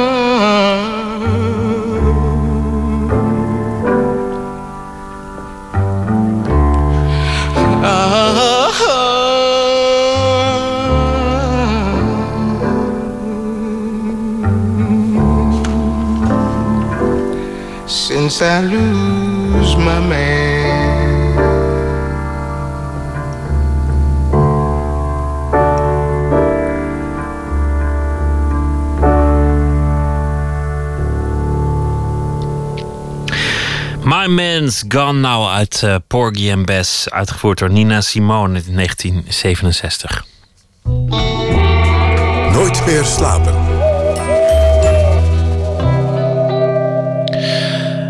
De grote gebeurtenis van dit najaar. eh, vandaag was alvast de persopening in het Van Gogh Museum. De komende vier maanden hangt daar zowel werk van Vincent van Gogh. Dat is niet zo ongebruikelijk voor dat museum. Maar ook Edvard Munch, vooral bekend van De Schreeuw. Nachtcorrespondent Botte Jellema was erbij. Botte, wat eh, viel allereerst op? Nou, ten eerste dat er wel zo'n 100 mensen van de pers waren vanochtend. Dat was eigenlijk best wel heel erg veel. En dat ze vanmiddag nog eens een keer zo'n groep eh, verwachten. Met de buitenlandse pers. Nou, verder kan je aan heel veel dingen zien dat ze veel publiek verwachten. Want eh, de meeste teksten die bij de schilderijen staan, bijvoorbeeld, die staan boven de werken. Zodat je eh, die toch ook nog kan lezen, mochten er heel veel mensen voor de schilderijen staan. En het viel me op dat het er eigenlijk relatief eh, donker is in het museum. Maar daar mogen de recensenten zich verder druk eh, over maken. Nou, Vincent van Gogh, wel bekend. Edward Munch mag ik ook wel redelijk bekend veronderstellen. Maar dat ze samen worden opgehangen, dat is het, eh, het unicum. Is er een verband, behalve dat ze ongeveer dezelfde tijd leefden? Ja, nou, ze, ze scheelden inderdaad maar iets van tien jaar. Van Gogh is geboren in 1853, eh Munch in eh, 1863. Eh, maar Van Gogh is maar 36 jaar geworden. Dus heel veel tijd hebben ze ook weer niet eh, samen op deze aardkloot rondgebracht. Ehm, het is zelfs onwaarschijnlijk dat ze elkaar ooit hebben ontmoet. Maar het Van Gogh Museum zegt dat zij heel vaak de vraag krijgen... waar hangt de schreeuw? Ehm, mensen die zich dus vergissen dat dat eh, een eh, Munch is en niet een eh, Van Gogh. Voor veel mensen is die connectie dus ergens wel heel helder op een of andere manier. Die zien dat of merken dat of voelen dat, weten dat dus kennelijk niet, maar voelen dat dan wel. En dat zit eigenlijk in een paar dingetjes. Van Gogh en Munch die hielden zich eh, met dezelfde eh, thema's bezig.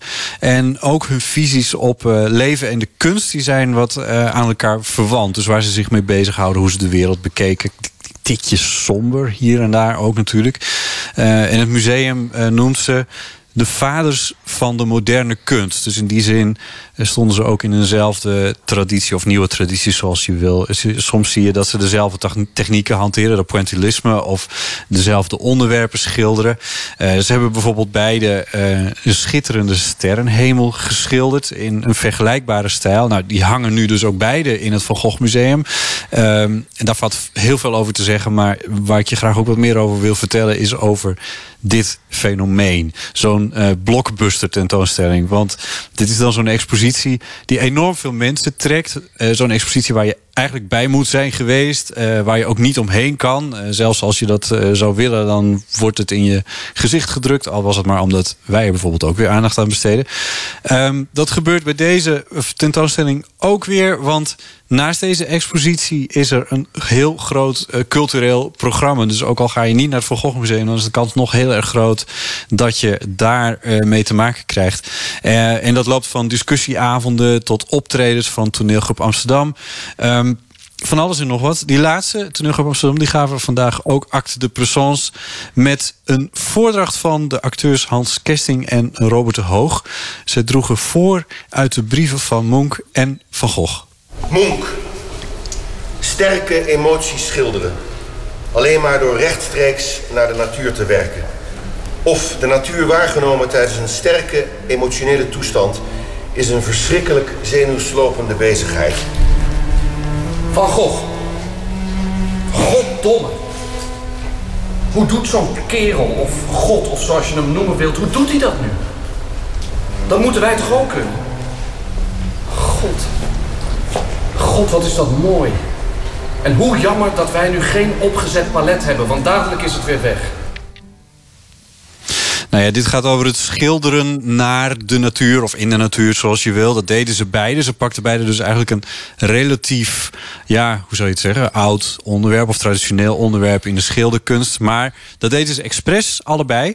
Eh, want op die manier konden ze laten zien dat ze wel een traditioneel onderwerp hadden. Maar dat ze vooral bezig waren met het ontwikkelen van nieuwe technieken en nieuwe manieren van naar kunst kijken en met kunst eh, bezig zijn. Dus dat is ook een overeenkomst tussen Van Gogh en Munch. Je zei, ehm, de blockbuster is eigenlijk een onderwerp op zich. Eh, nu ook weer twee grote namen bij elkaar. We hebben dat al, al jaren geleden gezien. Dan was het eh, Rembrandt en Caravaggio of eh, ehm, ehm, Picasso en Matisse en dan, dan samen. Dat is natuurlijk een heel gesleep met, met schilderijen. Waar komen alle Ja. doeken vandaan dit keer? Nou ja, dat is voor een belangrijk deel natuurlijk uit het Van Gogh Museum zelf. Die hebben natuurlijk een hele belangrijk deel van de collectie. Daar zie je wel veel van. Maar minstens ook zo belangrijk is de samenwerking met het eh Munch Museum in Oslo. Daar hebben ze bijvoorbeeld een versie van De Schreeuw hangen. Eh, het topstuk uit dat museum. En verder komen veel werken uit het Musée d'Orsay in Parijs. eh, Parijs ehm, maar ook heel veel uit privécollecties. En dat zijn werken waar je misschien, ja, misschien maar één keer in je leven de kans voor krijgt om ze te zien. Want daarna komen ze weer boven die schoorsteenmantel te hangen ergens. Ik sprak daarover met de directeur van het Van Gogh Museum. Dat is Axel Ruger. Hij zegt dat het uitlenen tussen grote musea onderling... dat is niet het meest ingewikkeld voor hun. Dat zijn ze wel een beetje gewend, zal ik maar zeggen. Maar als schilderijen in privébezit zijn, dan is dat anders. De grotere uitdaging ligt bij particuliere collecties. En dat kan iedereen zich ook voorstellen. Als je een heel mooi werk boven de bank hebt hangen. En dan zou je het aan een tentoonstelling geven. En dan is dat werk ine- ineens negen maanden weg. Dat is toch iets moeilijker. Dus, ehm, Is dat letterlijk wat er aan de hand is? Nou, Mensen voor- boven de bank? Nou, voor een deel is dat wel zo, ja. ja dus, Gaat u er dan zelf achterheen? ja, af en toe wel. Ik bedoel, het, het gaat natuurlijk daarom ook om eh bruiklenen te onderhandelen... en ook de eigenaren van het belang en de noodzaak van deze tentoonstelling te overtuigen. Ja, maar wat staat er tegenover? Want ik snap dat hij komt, komt leuren van... nou ja, je hebt zo'n mooi doek en eh, de rest van de wereld wil het ook wel een keer zien... en wij willen wel graag hangen in, in dat thema. Maar wat staat er tegenover? Wat krijgt de uitlener daarvoor terug? Ja, wat kan hij daar precies, wat heeft hij daar nou precies aan? Nou, hij heeft in ieder geval de eer. Ehm, of er geld mee is gemoeid, dat weten we niet. Eh, je wordt daar genoemd, je staat in de catalogus. Je- als je dat wil in ieder geval. Je staat eh, bij de bijschriften bij de eh, schilderijen. Maar veel belangrijker is eh, voor dat soort mensen waarschijnlijk dat het spul goed verzekerd is. Want dit soort schilderijen zijn een vermogen waard. En zoiets verzekeren is dan ook best wel een probleem. Er is een garantieregeling van de overheid. Eh, dat bestaat in Noorwegen en ook in Nederland. En die beide overheden die werken op dit gebied ook mee aan deze expositie. Maar dat is eigenlijk net niet genoeg. En daar maakte Rugger in zijn opening speech ook een punt van. Die waardes van deze soort beroemde werken zijn natuurlijk exorbitant inmiddels. Dat betekent dat op basis daarvan de verzekering eh, betaald moet worden. En ehm, dat wordt steeds uitdagender. En ehm, de Nederlandse indemniteitsregeling ehm, is er, maar die is ook beperkt. Die is ook in de afgelopen jaren niet gestegen, terwijl de waardes van die werken exorbitant aan het stijgen zijn. Ehm, dus dat uw punt? Was wordt de dat u- mogelijkheid steeds, steeds beperkter. Om, ehm, Ja. Of moeten de musea steeds meer geld vinden om ehm, dat te financieren? Nou, dat is toenemend uitdagend. Hoor ik daar een, een soort oproep in?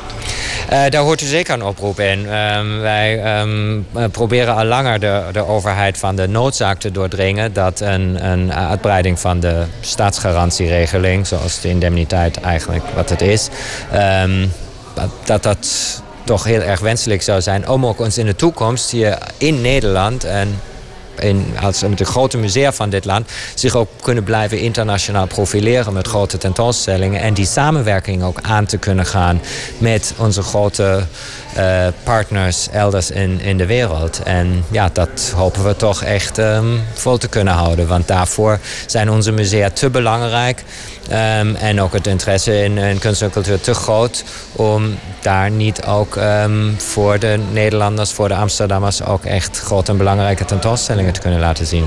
Kunt u vertellen op wat voor, over wat voor bedragen dat gaat, die verzekering? Nee, dat kan ik helaas niet. Dat, eh, de informatie rondom de waarde van de werk is vertrouwelijk. Maar laat zich ook wel weer eh, raden, namelijk een, eh, Ja. een bedrag waarvan je even op de bank moet zitten met een washandje op je voorhoofd, omdat het eh, om, om heel veel miljoenen gaat. Ja, precies. Nou ja, het is natuurlijk een garantstelling. Hè? Eh, dus zolang er niks met die schilderijen gebeurt, eh, gaat er geen cent heen en weer. Ehm, maar dat onderstreept wel weer even over wat voor soort exposities we het hier hebben. Die blockbusters, die eh, rijen tot om het blok veroorzaken. En die rijen die hebben ze dan ook weer nodig. Want er moet geld binnenkomen om dit soort grote tentoonstellingen financieel mogelijk te maken. Nou, Ruger hoopt dan ook op veel bezoekers. De verwachtingen zijn dat ehm, het hopelijk een succesvolle tentoonstelling wordt. Dat het op brede publieke belangstelling zal stuiten. En, ehm, Later Rembrandt-achtig? Dat denken wij ook. Ehm, nou ja, later Rembrandt-achtig. Ik bedoel, ja, allemaal grote iconische kunstenaars. En we verwachten wel dat we hier toch eh, meerdere honderdduizend bezoekers eh, zullen hebben om hier echt van te genieten. Ja, weer een eh, blockbuster. Ehm, dat is eh, mooi, want je kunt die doeken dan zien. En ook een cultureel programma eromheen met eh, performances. De Bali heeft een debat. AI heeft avonden over eh, beide kunstenaars. Het Filmmuseum. Nou ja, je noemde al een aantal dingen. Het Koninklijk Concertgebouworkest. Sla heeft een literaire avond met Carl Euve Knausgaard... die iets vertelt over Monk. Kortom... niet te ontkomen dit Nee, najaar. Monk en Van Gogh. Botti Jellema, dankjewel. Ja, graag gedaan. Muziek van een Amerikaans duo dat eh, al eerder in verschillende bands zong, in verschillende samenstellingen. En samen vormen Amber Webber en Dirk Fudesco nu Kodiak Deathbeds. Het eerste album is titeloos en het nummer heet We Found a Home.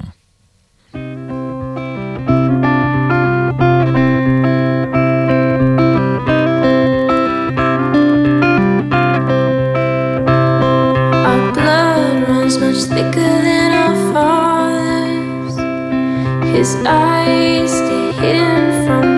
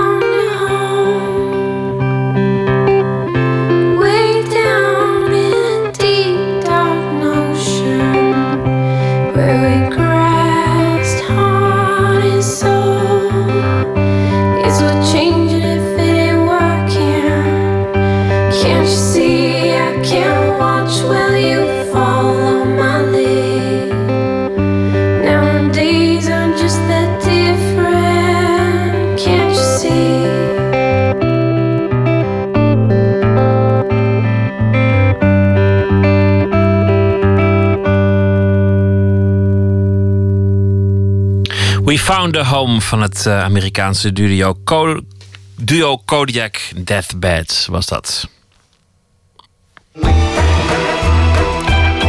Nooit meer slapen. De gedachte is eh, relatief eenvoudig. Laat een eh, kunstenaar op het podium zijn atelier nabouwen en al daar dan iets vertellen aan de zaal over zijn eigen werk en deze tijd en wat hem inspireert. Dat is de gedachte achter de serie Beeldbepalers van het Mondriaan Fonds en de Bali. Eerder al namen Jan Dibbets en Marlene Dumas en eh, Joep van Lieshout plaats in hun nagebouwde atelier. Maar dit keer is het de beurt aan Ronald Ophuis. En dat is misschien wat ander werk. Keiharde schilderijen vol verkrachtingen, executies, scènes uit concentratiekampen. Kortom, het eh, kan wat chockerend zijn voor het publiek. Maar dat is misschien ook wel de bedoeling. En Nicolaou liep vast op de avond vooruit in de Bali en bezocht het echte atelier van Ophuis. Ik begin altijd heel vroeg, meestal rond een uur of half zeven, zeven uur. Dus je hebt al wat uren achter, Achter de de rug. rug, ja. Het ruikt flink naar verf, maar dat is misschien altijd zo. Nee, dat is altijd zo. Wat heb je vanochtend gedaan dan? Vanochtend heb ik aan dat werk gewerkt.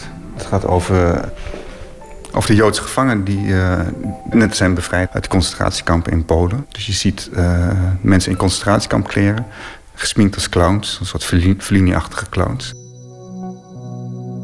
De concentratiekampen in Polen, dus als Auschwitz, die werden al in januari bevrijd door de, door de Russen. Maar zij konden helemaal niet terug naar, naar Frankrijk of naar Italië of naar Nederland, omdat de rest van Europa lag nog in oorlog. En dus ze trokken rond in groepen. En uit verveling organiseerden ze dan soms avonds eh, voorstellingen voor zichzelf. waarin dan iemand een aria ging zingen of ging tapdansen. En ik bedacht me misschien wel mooi om ze dan een soort clownsvoorstelling te laten spelen. De slachtoffers, dit keer. Dit keer met, met, met de slachtoffers, ja. Nou, ik vond het wel mooi, eh, omdat het ook een soort veerkracht van de mens laat zien. Betekent dat ook dat je dan behoefte had aan iets optimistischers dan wat je de afgelopen twintig jaar vaak geschilderd hebt? Er zijn wel een aantal barmhartige schilderijen eh, ontstaan eh, de afgelopen jaren ook wel.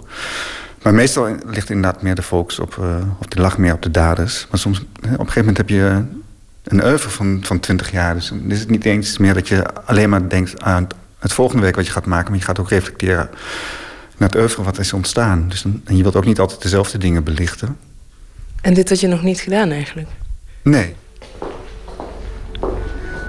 Als ik een idee heb, eh, dan maak ik een kleine schets. Dan ga ik naar een castingbureau. Uh, dat is eigenlijk altijd Hans Kemna. En dan zoek ik samen met de castingagent uh, acteurs uit... Die, eh, waarvan je zou kunnen denken dat ze uit die gebieden komen... of nou ja, door zouden kunnen gaan van Joodse slachtoffers. En zij spelen dan naar aanleiding van die tekening die scène. Of ze nemen allemaal verschillende houdingen aan. En dat fotografeer ik dan. En dan de beste houdingen die dienen dan als basis voor, eh, voor het schilderij. Zonder die acteurs zou ik nergens zijn. Omdat ik heel veel houdingen ook van hun cadeau krijg. Of gezichtsuitdrukking. Of eh, nou ja, posities van lichamen. Wie zijn nou de mensen die jou eh, al misschien van jongs af aan... of juist de laatste jaren... waar je steeds zelf naar grijpt om, om te kijken of te lezen? En dat wisselt, maar het, het gaat wel bijna altijd over oorlog of conflicten. Een heel belangrijk referentiepunt is altijd eh, het vlot van de Medusa. Dat is een beroemd schilderij van eh, Jericho. Dat hangt in het Louvre. De Medusa was een oorlogsfregat. Dat liep op een zandbak vast. De officieren konden in de sloepen stappen. Eh, zij konden terug naar, eh, naar de kust. Maar het gewone personeel en de gewone soldaten... die bleven vastzitten op het schip. En er was een timmerman aanwezig die klusjes kon opknappen. Die bouwde een groot vlot. Daar stapten ze met z'n allen op. Het waren geloof ik bijna 150 mensen. Het vlot zonk eigenlijk meteen. Dus ze hebben meteen een aantal mensen overboord gegooid... zodat het vlot bleef drijven. En toen hebben zij twee weken lang op de oceaan rondgedobberd. Toen ze terugkwamen werd er een eh, verslag geschreven door een eh, journalist. En Jericho las dat. En die is toen die timmerman gaan opzoeken... en die heeft dat vlot weer opnieuw voor hem gebouwd. En toen heeft Jericho met modellen eh, geprobeerd om een scène na te spelen of na te bouwen. Ik zag dat schilderij in het Louvre, in het basisjaar van de kunstacademie. En toen dacht ik, dat is wat ik wil. Weet je, dat het iets maatschappelijks heeft. Dat het over nu gaat, of tenminste over een recente geschiedenis. En, en die dramatiek. Als je binnenkomt zie je meteen een ja, muurvullend schilderij. Wat verbeeldt dit? Het is eigenlijk het begin van de Arabische lente in, eh, in Syrië. Het zijn vier Syriërs die op weg zijn naar, naar de revolutie. Een rode lucht en meest eh, opvallend vind ik... een vrouw in een blauw gewaad, een witte hoofddoek... met een, moet je me even helpen? Met een, Kalashnikov, AK? Met, met een Kalashnikov, ja. Kalashnikov. Ik wilde iets doen met die Arabische lente en ook met die hoop die wij allemaal hadden van dat het allemaal goed zou uitpakken. Dus ik wilde een schilderij maken waarin je zag eh, dat er al aanknopingspunten waren om te denken van het gaat eigenlijk toch niet goed. Dus je hebt dan de jeugd, die twee jongens die vooraan staan met ontbloot bovenlichaam. eh, die helemaal niet eh, richting het fundamentalisme willen. En dan een andere generatie of een andere mm, stroming binnen die Arabische lente. Die juist wel richting het fundamentele gaat. Ben je er ook geweest eigenlijk? Nee, dat durf ik niet. Nee. Maar je zou het wel willen. N- Nou, ik probeer wel vaak die, die gebieden te bezoeken, maar dan wel als het eh, enigszins safe is.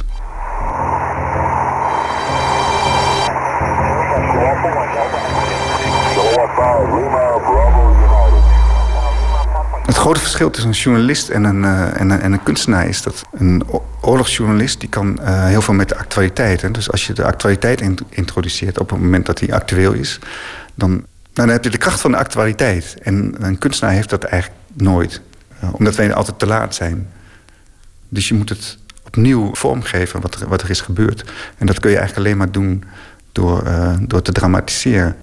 Het doel is eigenlijk om mensen medeplichtig te maken. Of eh, een getuige te creëren die voelt. Want pas als je als getuige iets voelt... dan pas ga je oordelen en nadenken over wat er gebeurd is. Maar hoe kan het dan toch dat als ik naar jouw schilderijen kijk... dat ik misselijker word dan wanneer ik naar echte beelden kijk? En dat bedoel ik in, in dit geval complimenteus. Mhm. Ja, ik denk dat het te maken heeft met, met, met, met, de psychologie van de maker. Dus als je een eh, afschrikwekkend beeld ziet in de media, gefotografeerd hè, op, op, naar de werkelijkheid, dan heb je altijd het gevoel dat het objectief is wat de journalist ons laat zien. Dus in zekere zin heeft de journalist het beeld niet gewild, want jij of zij registreert wat er is gebeurd en brengt, geeft het aan ons door. Maar als een kunstenaar of een schrijver iets formuleert of schildert, dan krijg je een soort extra lading, omdat je dan omdat je er ook gaat afvragen... waarom wil die man of vrouw dat wij dat zien? Dus je, wordt al echt, je voelt je al een beetje schuldig... en je gaat jezelf ook schuldig voelen omdat je het opzoekt. Dat je er dan toch naar gaat kijken. En dat is een, eh, dan, wordt het, nee, dan wordt het veel subjectiever. Omdat Ja, dat je in zo'n witte ruimte van een galerie of een museum staat... en dan sta je, eh, Ja, maar je wordt ook naar die meer- beelden te kijken, Ja. opeens, heel bewust. Ja, en dat doe je dan eh, zeggen, uit, eh, bijna uit plezier. Dus, je- dus er komt een soort perverse prikkel komt naar boven. En dus je ervaart dan ook je eigen fascinaties voor drama of lijden. Je probeert een getuige te creëren. Een toeschouwer ehm, zo te beïnvloeden dat hij zich een, een betrokken getuige voelt. Die getuigen zijn wij, het publiek. Ja. En eh, door geweld of seksualiteit te introduceren in het beeld, kom je daar al veel makkelijker bij. Ook al is het niet de fantasie, eh, eh, seksuele fantasie of geweldsfantasie van de, van de kijker of van de toeschouwer. Maar die voelt zich ehm, fysiek ehm, benaderd. Speelt zich altijd wel een soort interviews af in je hoofd. Dat je een, soort fictief eh, publiek voorstelt. Met wie je in dialoog bent. En dat- maakt de spanning in het atelier veel groter. En ehm, het is toch ook wel een soort missie. Dat je denkt van we gaan. Ik, we, moeten eerst de pijn teruggeven voordat we de aangename dingen teruggeven aan het leven. Dus ik vind het ook belangrijk dat er ook in de kunst te zien is nou, hoe het leven zich eh, uitvouwt. Hoe mensen zich eh, gedragen Ja. in eh, extreme omstandigheden. Ja, precies. Kan je eigenlijk te ver daarin gaan? Heb je dat ontdekt in de loop der jaren? Of, of kan je alles maken? Nou, er zijn in zekere zin geen grenzen, maar er zijn wel. eh, Nou, ik heb een groot schilderij gemaakt over, eh, over de burgeroorlog in eh, Sierra Leone, waarin een vrouw wordt opengesneden als onderdeel van een wetenschap. Of zij zwanger was van een jongen of van een meisje. En dan ging ze dat ter plekke eh, bekijken. Dat is een extreem eh, idee. En met, maar de eerste tekeningen die gingen erover dat ze het babytje eh, eh, in, hun- in hun handen hielden en dat lieten zien. Dus aan- het moment aan eigenlijk nadat het leed al geschied Ja. was. En ik dacht, dat gaat eigenlijk te ver. Ja? Maar dan is de shock zo groot dat je daar eigenlijk niks meer mee kunt. Waar haal je eigenlijk het... Dat klinkt heel raar als ik dat zeg. Waar haal je eigenlijk het lef vandaan? Moet je wel eens de moed opbrengen bij jezelf? Nou, vroeger wel. Eh, vroeger wisselde ik af. Dan had ik een eh, positief schilderij en een negatief schilderij. Dus eh, tegelijkertijd. Of ja, vergelijk het maar. als ik weet dat op de middelbare school gaf me... Het eind van de middelbare school, school kreeg ik de 120 dagen van Sodom... van Marquise Sade van mijn oma. Van je oma? Ja, ik had het als op mijn verlanglijstje gezet. Dus zij had volgens mij geen, werk geen enkel idee wat, eh, welk boek het was. Maar toen ik het las, vond ik het zo pervers... dat ik dan tegelijkertijd Anna Karenina van eh, Tolstoy ging lezen... om het te verdragen. En dat, maar op een gegeven moment slijt dat. Ja. Dus het is wel een soort geleidend proces geweest. Op een gegeven moment voel je ook dat waar je talent ligt... of je, waar je zelf het meest wakker van wordt... En dan is er ook geen, eh, geen weg terug meer. Dus toen ik van de academie afkwam, toen dacht ik... oh, weet je, eh, het hele domein van alle onderwerpen, dat ligt, eh, ligt open. Ik kan een- stil leven maken, een landschap, een, een portret... of dit soort scènes, of abstract werken, of meer abstract. En dan zie je toch dat, dat je eigenlijk nog niet zoveel keuze hebt. Dus, dan is zo'n landschapsschilder, ja, daar ga je dan niet meer aan beginnen. Nee, ook omdat het dan al- al- altijd uitliep op een slecht schilderij. Dus dan voelde ik ook niks meer. Dus, het is, ja, dus als ik hier ben, dan komen dit soort beelden. En als ik dit soort beelden niet zou willen maken, dan zou ik hier niet meer zijn. De avond eh, rondom Ronald Ophuis in de Bali in Amsterdam is donderdagavond met heel veel andere gasten, waaronder eh, oorlogsfotograaf Teun Voeten. We gaan eh, afsluiten met een eh, gedicht van Marjoleine de Vos, eh, maar dat doen we zo meteen. Eerst muziek van Richard Hawley, Nothing Like a Friend.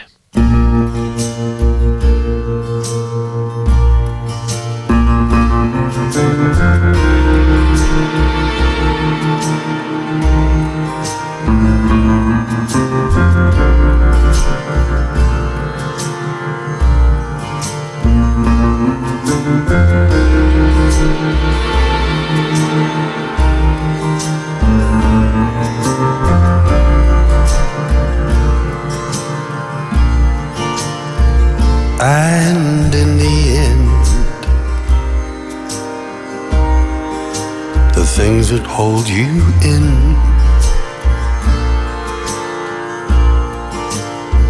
are gossamer thin. Disappeared with the wind.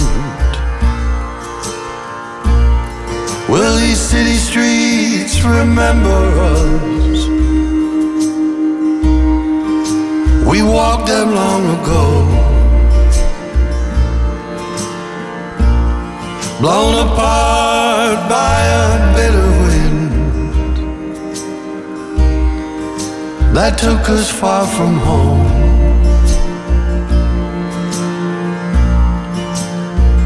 And in the end,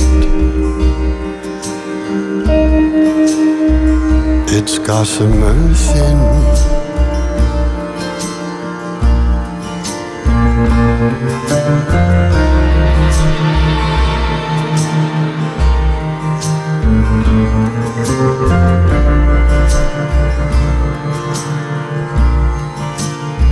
Ah, but then again,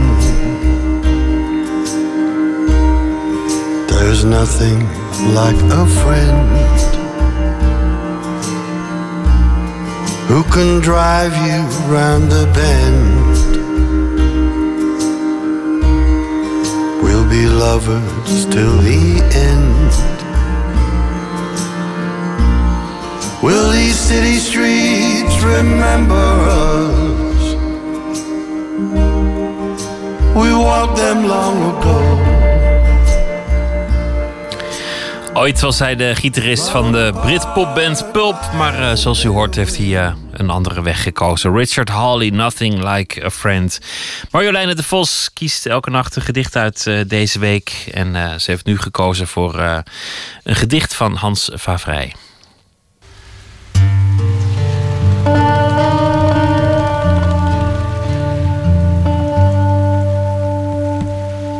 Hans Favri is een dichter die niet altijd zo makkelijk te volgen is. Zijn gedichten zijn filosofisch, refereren aan kennis die lang niet iedereen heeft. En daardoor werd hij vaak hermetisch gevonden. Niet vond men dat als hij zelf zijn gedichten voorlas. Want dat kon hij ongelooflijk goed, heel langzaam, heel rustig en op een betoverende manier. Dus eigenlijk kan niemand daarna meer Favri voorlezen. Maar ik doe het toch omdat dit gedicht zo intiem is. Telkens moet ik van je houden, omdat je het zo werkelijk mij vreemde bent. Even vreemd haast als mij mijn kern. Die is een wiekslag die aanhoudt nog lang nadat de herinnering aan mijn naam is vervluchtigd. Soms, zodra ik mij indachtig word en het begint te suizen in ons huis, en ik in de verleiding kom om je naam te willen roepen, hervind ik je in mijn hoofd, alsof ik niet vandaar uitging om je te strelen, je zo te strelen.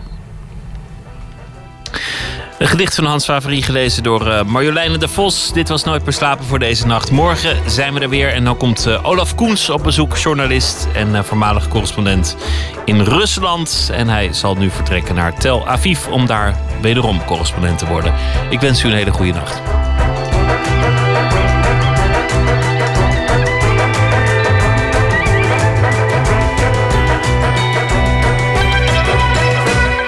op Radio 1. Het nieuws van alle kanten.